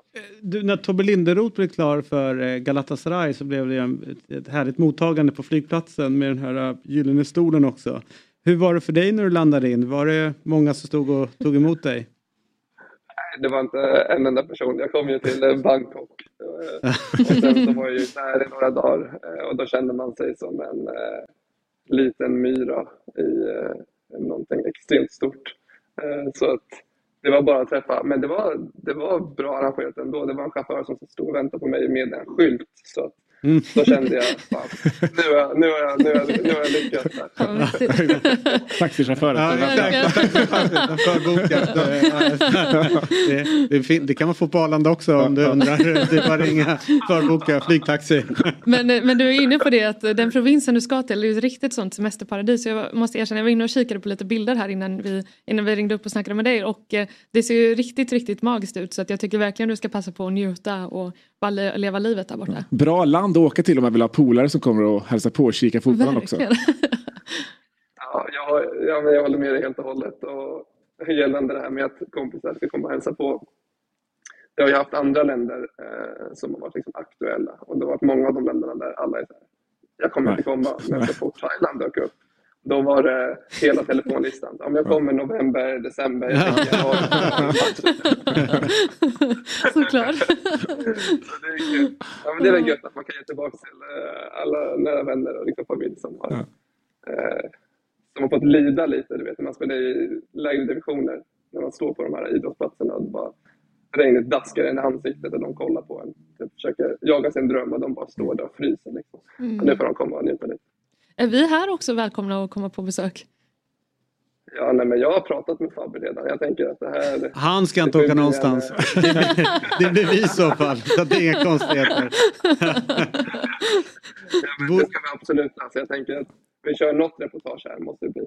Ja, var framförallt vore det väl härligt om eh, Anders Nettelblatt kunde lösa så att vi eh, får någon spons. Så vi kan flyga dit och så sänder vi Fotbollsmorgon. En vecka. liksom. En vecka Ja. därifrån. Fan vad det var roligt. Sätta upp en sån studio där. Ja. Magiskt. Eh, Arbets, ja, ja. Allt, allt, av, allt, allt, drar vi av. Men då kör vi igång lite senare på morgonen va? Ja, det blir ju fem, klockan- fem timmar Man plus. ser ju nästan där bakom vad klockan är. Ja, det är väl två nu. Eller vad blir det? Tre? Två? Ja, Ja. Klockan två, fem timmar framåt. Ja. Ja, köra klockan två på Ja, men det blir ju sju. Det blir 07, sju här. ja, precis. Det blir perfekt. Kan Underbart. Ja, nej, det får det bli. Du, eh, vi, låt oss eh, nu med, med det sista vi pratade om eh, definitivt hålla kontakten.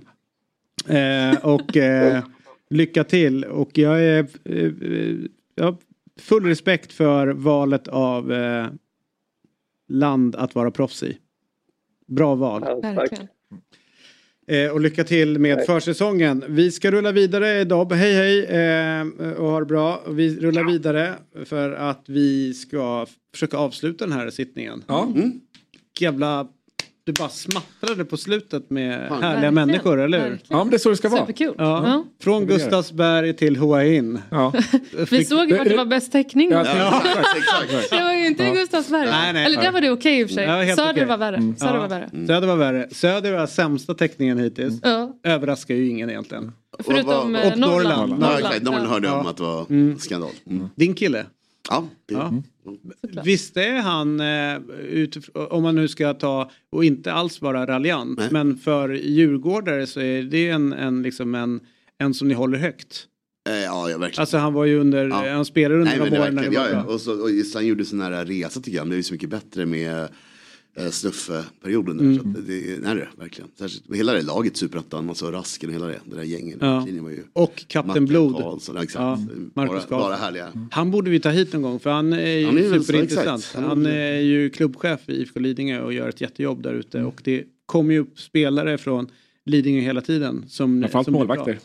Ja, och eh, Vilgot Marshaget som är snurrar runt i Torino nu och, och, och så vidare. Och Det är en jäkla fotbollsfamilj det där med, med frun och det är mycket Ja, precis. Djurgårdskopplingar. Elin Flyborg Exakt. hette hon eh, som spelade i Djurgården. Djurgården Älvsjö Ja, det. precis. Ja. Var ju landslags...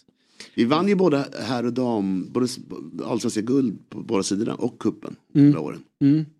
Eh, precis. Det var kanske där de eh, fann varandra. Det får vi gissa, På- gissa oss till. på efter, På eh, någon, någon av alla dessa ja, guldfester. Ja. Runt Stureplan där ni firar. Ja, exakt. Ja, exakt. det. Ja, det. Du, eh, det är ju tryck som fan borta eller hemma på, eh, på Dobb. Det händer grejer hela tiden. Eh, så att gå in där, nya program rullar ut av hög Mm. kvalitet. Mm-hmm. Dobb.tv. Och eh, tryck ska ni också göra som fan på prenumerationsknappen på Youtube. efter, ja. Ja. Oh, ja. Nu. Vi närmar oss 20 000. Eh, och imorgon så sitter jag här tillsammans med eh, unge herr Timell och Niklas Niemi. Mm. Eh, och eh, då är inte Niemi. Vilken torsdag. Nej, nej det är jag och Timell än så länge. Det är, Maraton. vi, vi måste få in en Maraton. till. Eh, exakt. Men maraton-Emi. Men Hasse Mattisson tror vi är klara. Eh, som, och eh, pa, Ja, mobilen dog där. Ja, ja just det, så det var inte täckningen. Ja, han säger nu, han försöker in- skydda sig. körde in i en tunnel, alltså. Ja. Kommunen som hört av sig. Ja, exakt. Ja, räddade upp där. Dålig Ja. marknadsföring. Ja.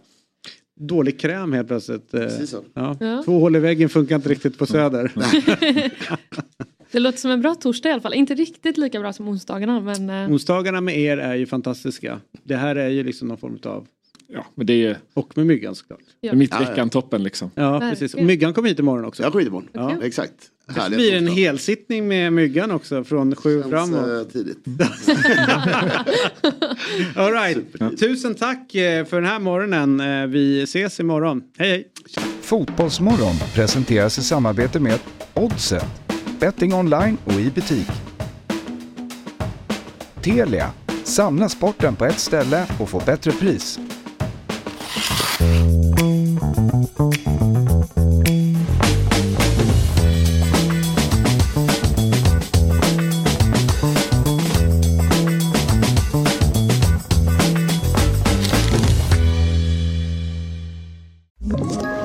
Ett poddtips från Podplay. I fallen jag aldrig glömmer djupdyker Hasse Aro i arbetet bakom några av Sveriges mest uppseendeväckande brottsutredningar. Går vi in med hemlig telefonavlyssning och, och då upplever vi att vi får en total förändring av hans beteende. Vad är det som händer nu? Vem är det som läcker? Och så säger han att jag är kriminell, jag har varit kriminell i hela mitt liv men att mörda ett barn, där går min gräns. Nya säsongen av Fallen jag aldrig glömmer på Podplay.